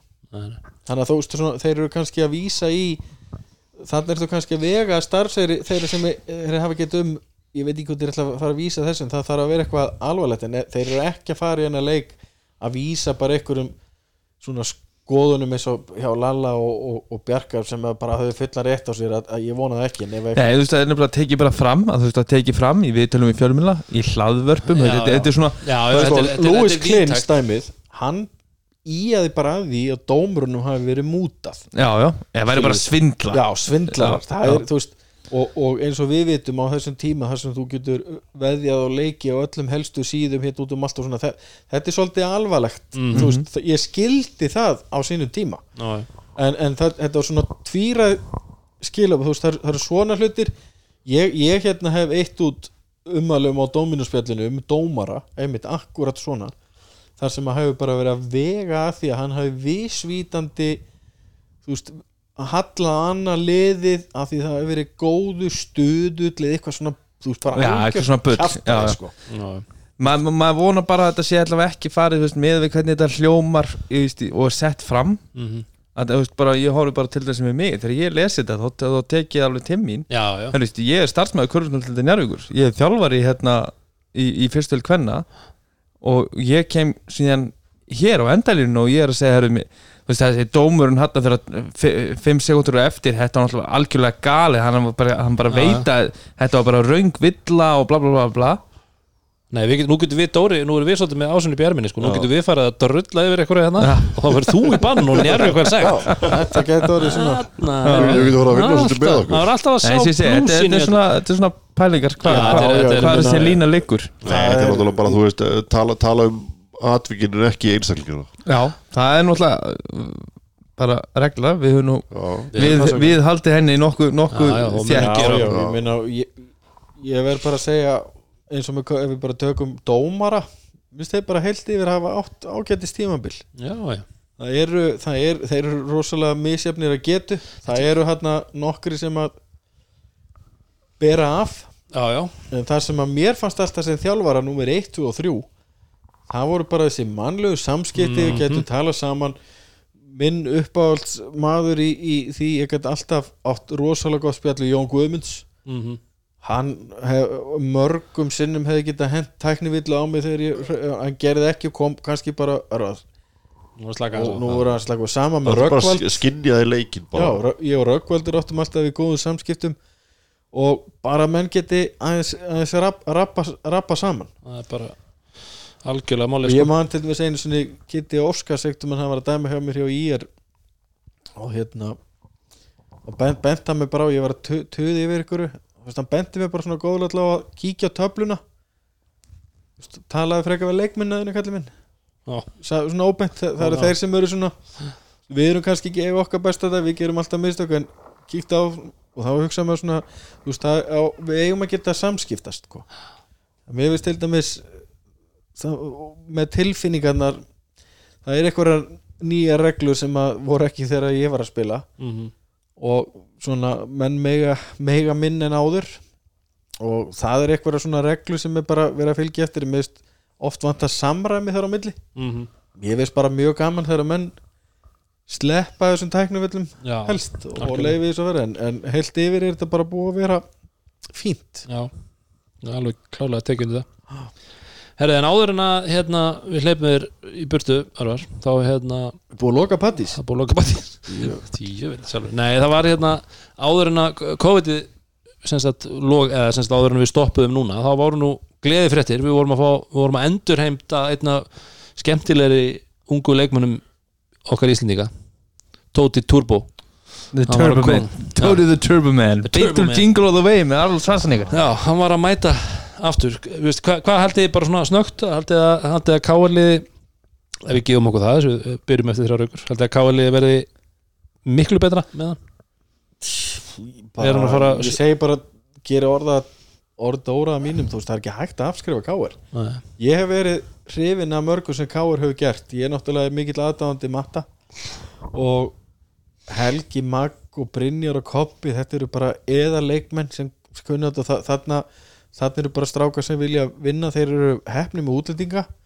Og Tóti var flottur þegar hann fór og ég held að sé bara orðið, orðið mun betri. Þetta, já, ég, ég reyndar að tala um endurhenta leikmann. Ég var að vonast til að vera að segja að væri góða fréttir að norða með Július Já, það er leikmaður sem ég var rosalega spenntu fyrir og, og að, að hann væri í þessu þóstlið í dag líka. Mhm. já, það væri, það væri mjög horfnir. Ég, jú, K.R. er bara eru bara alltaf kontentir þeir eru ennþá kongandir, þeir eru Já. meistararnir mm. Þeir eru kontenti Sko, ég held ekki að hann sko það sem að, það sem að gerir Tóta svolítið skemmtilega núna spennandi kostur í káar er að hann, ég held að fittur rosalega vel inn í hvernig þeir eru að spila já, hann er þetta já. langur, hann getur hann leist líka. ég segi það, hann getur leist alveg nokkra stöður, hann er ágætt, hann er fín skita og nú er náttúrulega örglóðurinn aðeins svona kjötaðar hefur búin að vera í Amerikunni, McDonald's já, þeir eru þeir, Með Timmy the truck driver. Timmy the truck driver hann var að grilla fyrir hann. Ég held að Tóti eftir að bara gera gott lið betra því að K.R. er svona músin sem læðist. Það er eins og ég nefndi á að Keflavík er bara liðið í dag. Það eru bara liðið sem þú þarfst að vinna.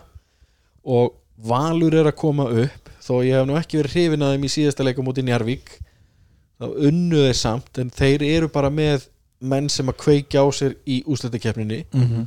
og Gera svo eru, svo eru nokkur lið sem eru svona dark horses og K er það er aðstæðilt að kalla þá eitthvað dark horse.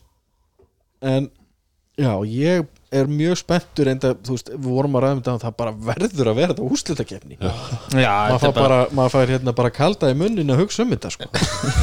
ég, ég held, uh, sko Tóti the Turbo Man. Mm. Ég held að hann hefði gert meira fyrir stjórnuna Svona, svona sem dæmi. Uh, Ég held að hann hefði skipt meiri sköpum fyrir þá. Mm Bara sem, sem hvernig leikmaður hann er. Hann alltaf aldrei farið annar lið en káar Já, nei, þú veist ég, Ég skil hvað þú meinar, já, já, bara, bara út, að tala um hversu, Hversu hvað, hversu mikið gerir hann fyrir kálið ég held að hann hefði gert meira fyrir stjörnuna. Uh -huh.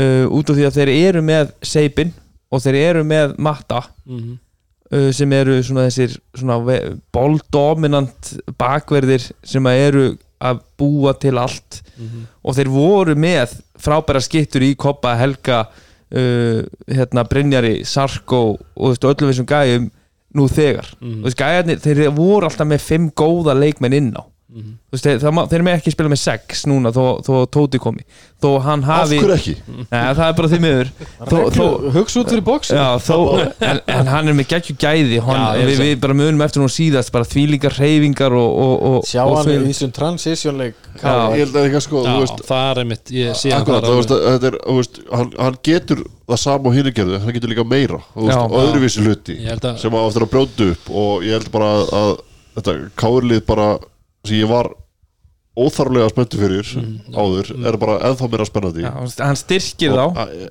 klárlega. Já.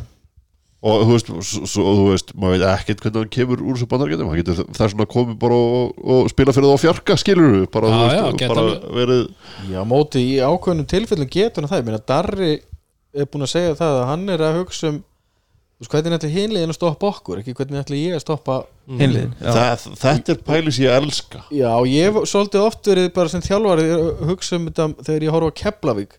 Mér finnst stundum Milka, þessi geggjaði leikmaður sleppa svolítið vel. Að akkur er ekki leikmaðurinn sem að hann er að dekka láti ráðast á hann aftur aftur, mér finnst hann ekki nógu sterkur á þeirri sótt á hann hann er reynda með mjög hátt basketball Q. Hann leysir öll vandamál rosalega vel. það er, það mér finnst til dæmis Dean Williams og Hössi vera mikilvægstu leikmennið í liðinu. Mér finnst ef að þeir væru frá þú veist, þá hef ég meira Milka er náttúrulega bara, hann er frábær. En þú veist, það, það, ég held að Darri sé svolítið að hugsa svona. Lát, ef hann fær í seríu við keflaug, þú veist, látið þá hafa áhyggjur á okkur. Ég held ekki að sko, málið er að, að þú veist, maður heyrði þetta fyrir tímabili að það er allir að kaupa hérna mann til að stoppa Milka Þú gerir það ekkert. Nei, Milka þú- er bara, er bara eitthvað annað Ég held að besta leiðin til að vinna Keflavík sé að leiðu milk, ek- aldrei að doppeltíma og milka, leiðu honum bara að gera sín 35-40 stík, stoppaðu hörð, reyndu og dýn.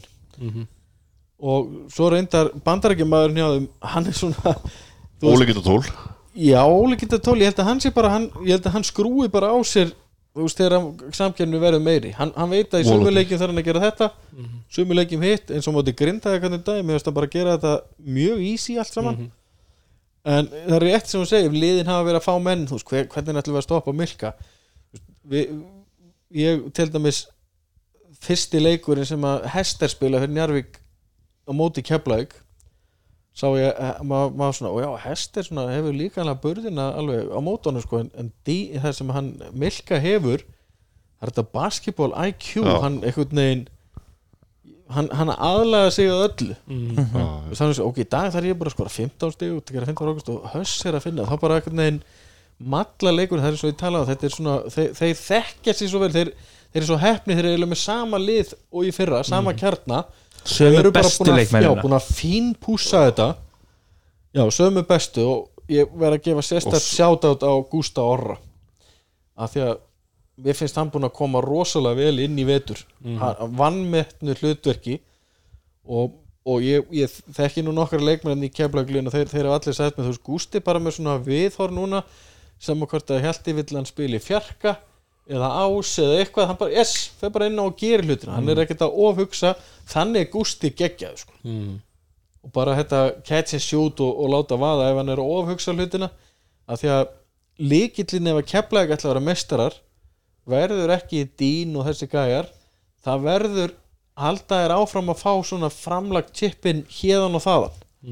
Þú veist frá Arnóri, frá, frá Gústa Reggie, hann getur komið inn á og, spila hörku vörn og, og, og það, ef að þessi strákar smella og halda út þá stoppar held ég ekkert lið keflag, það er bara mín skoðun. Þetta eru geggjulókaður sko.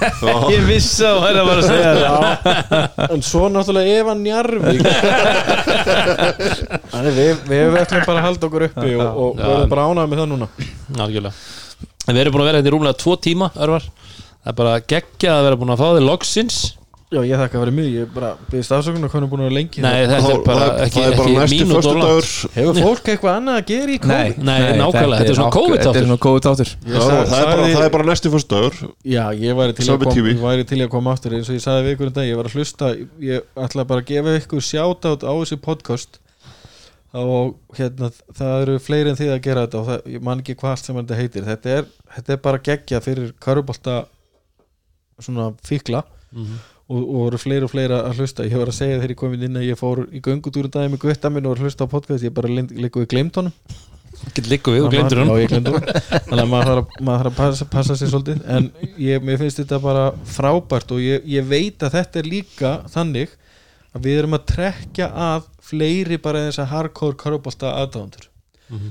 fullt af fólki sem að, sem að er að hlusta á alls konar og, og drekka í sig að því að það umfjöllunni núna það er kannski farið inn á mál sem er ekkit farið inn á þessum hef, hefbundnu miðlum alltaf. En mér finnst bara umræðnar í þessum pod- vera mjög uppbyggilegar og, og skemmtilegar. Og þakka ykkur bara kærlega fyrir drengir. Takka þér, Þakka þér. Takka þér. Og við þökkum White Fox og Kalda. Saint Amani Og- Gypsy Tours. Tours. 2021 Endum þetta á vanulega nótum. Love this game. Love this game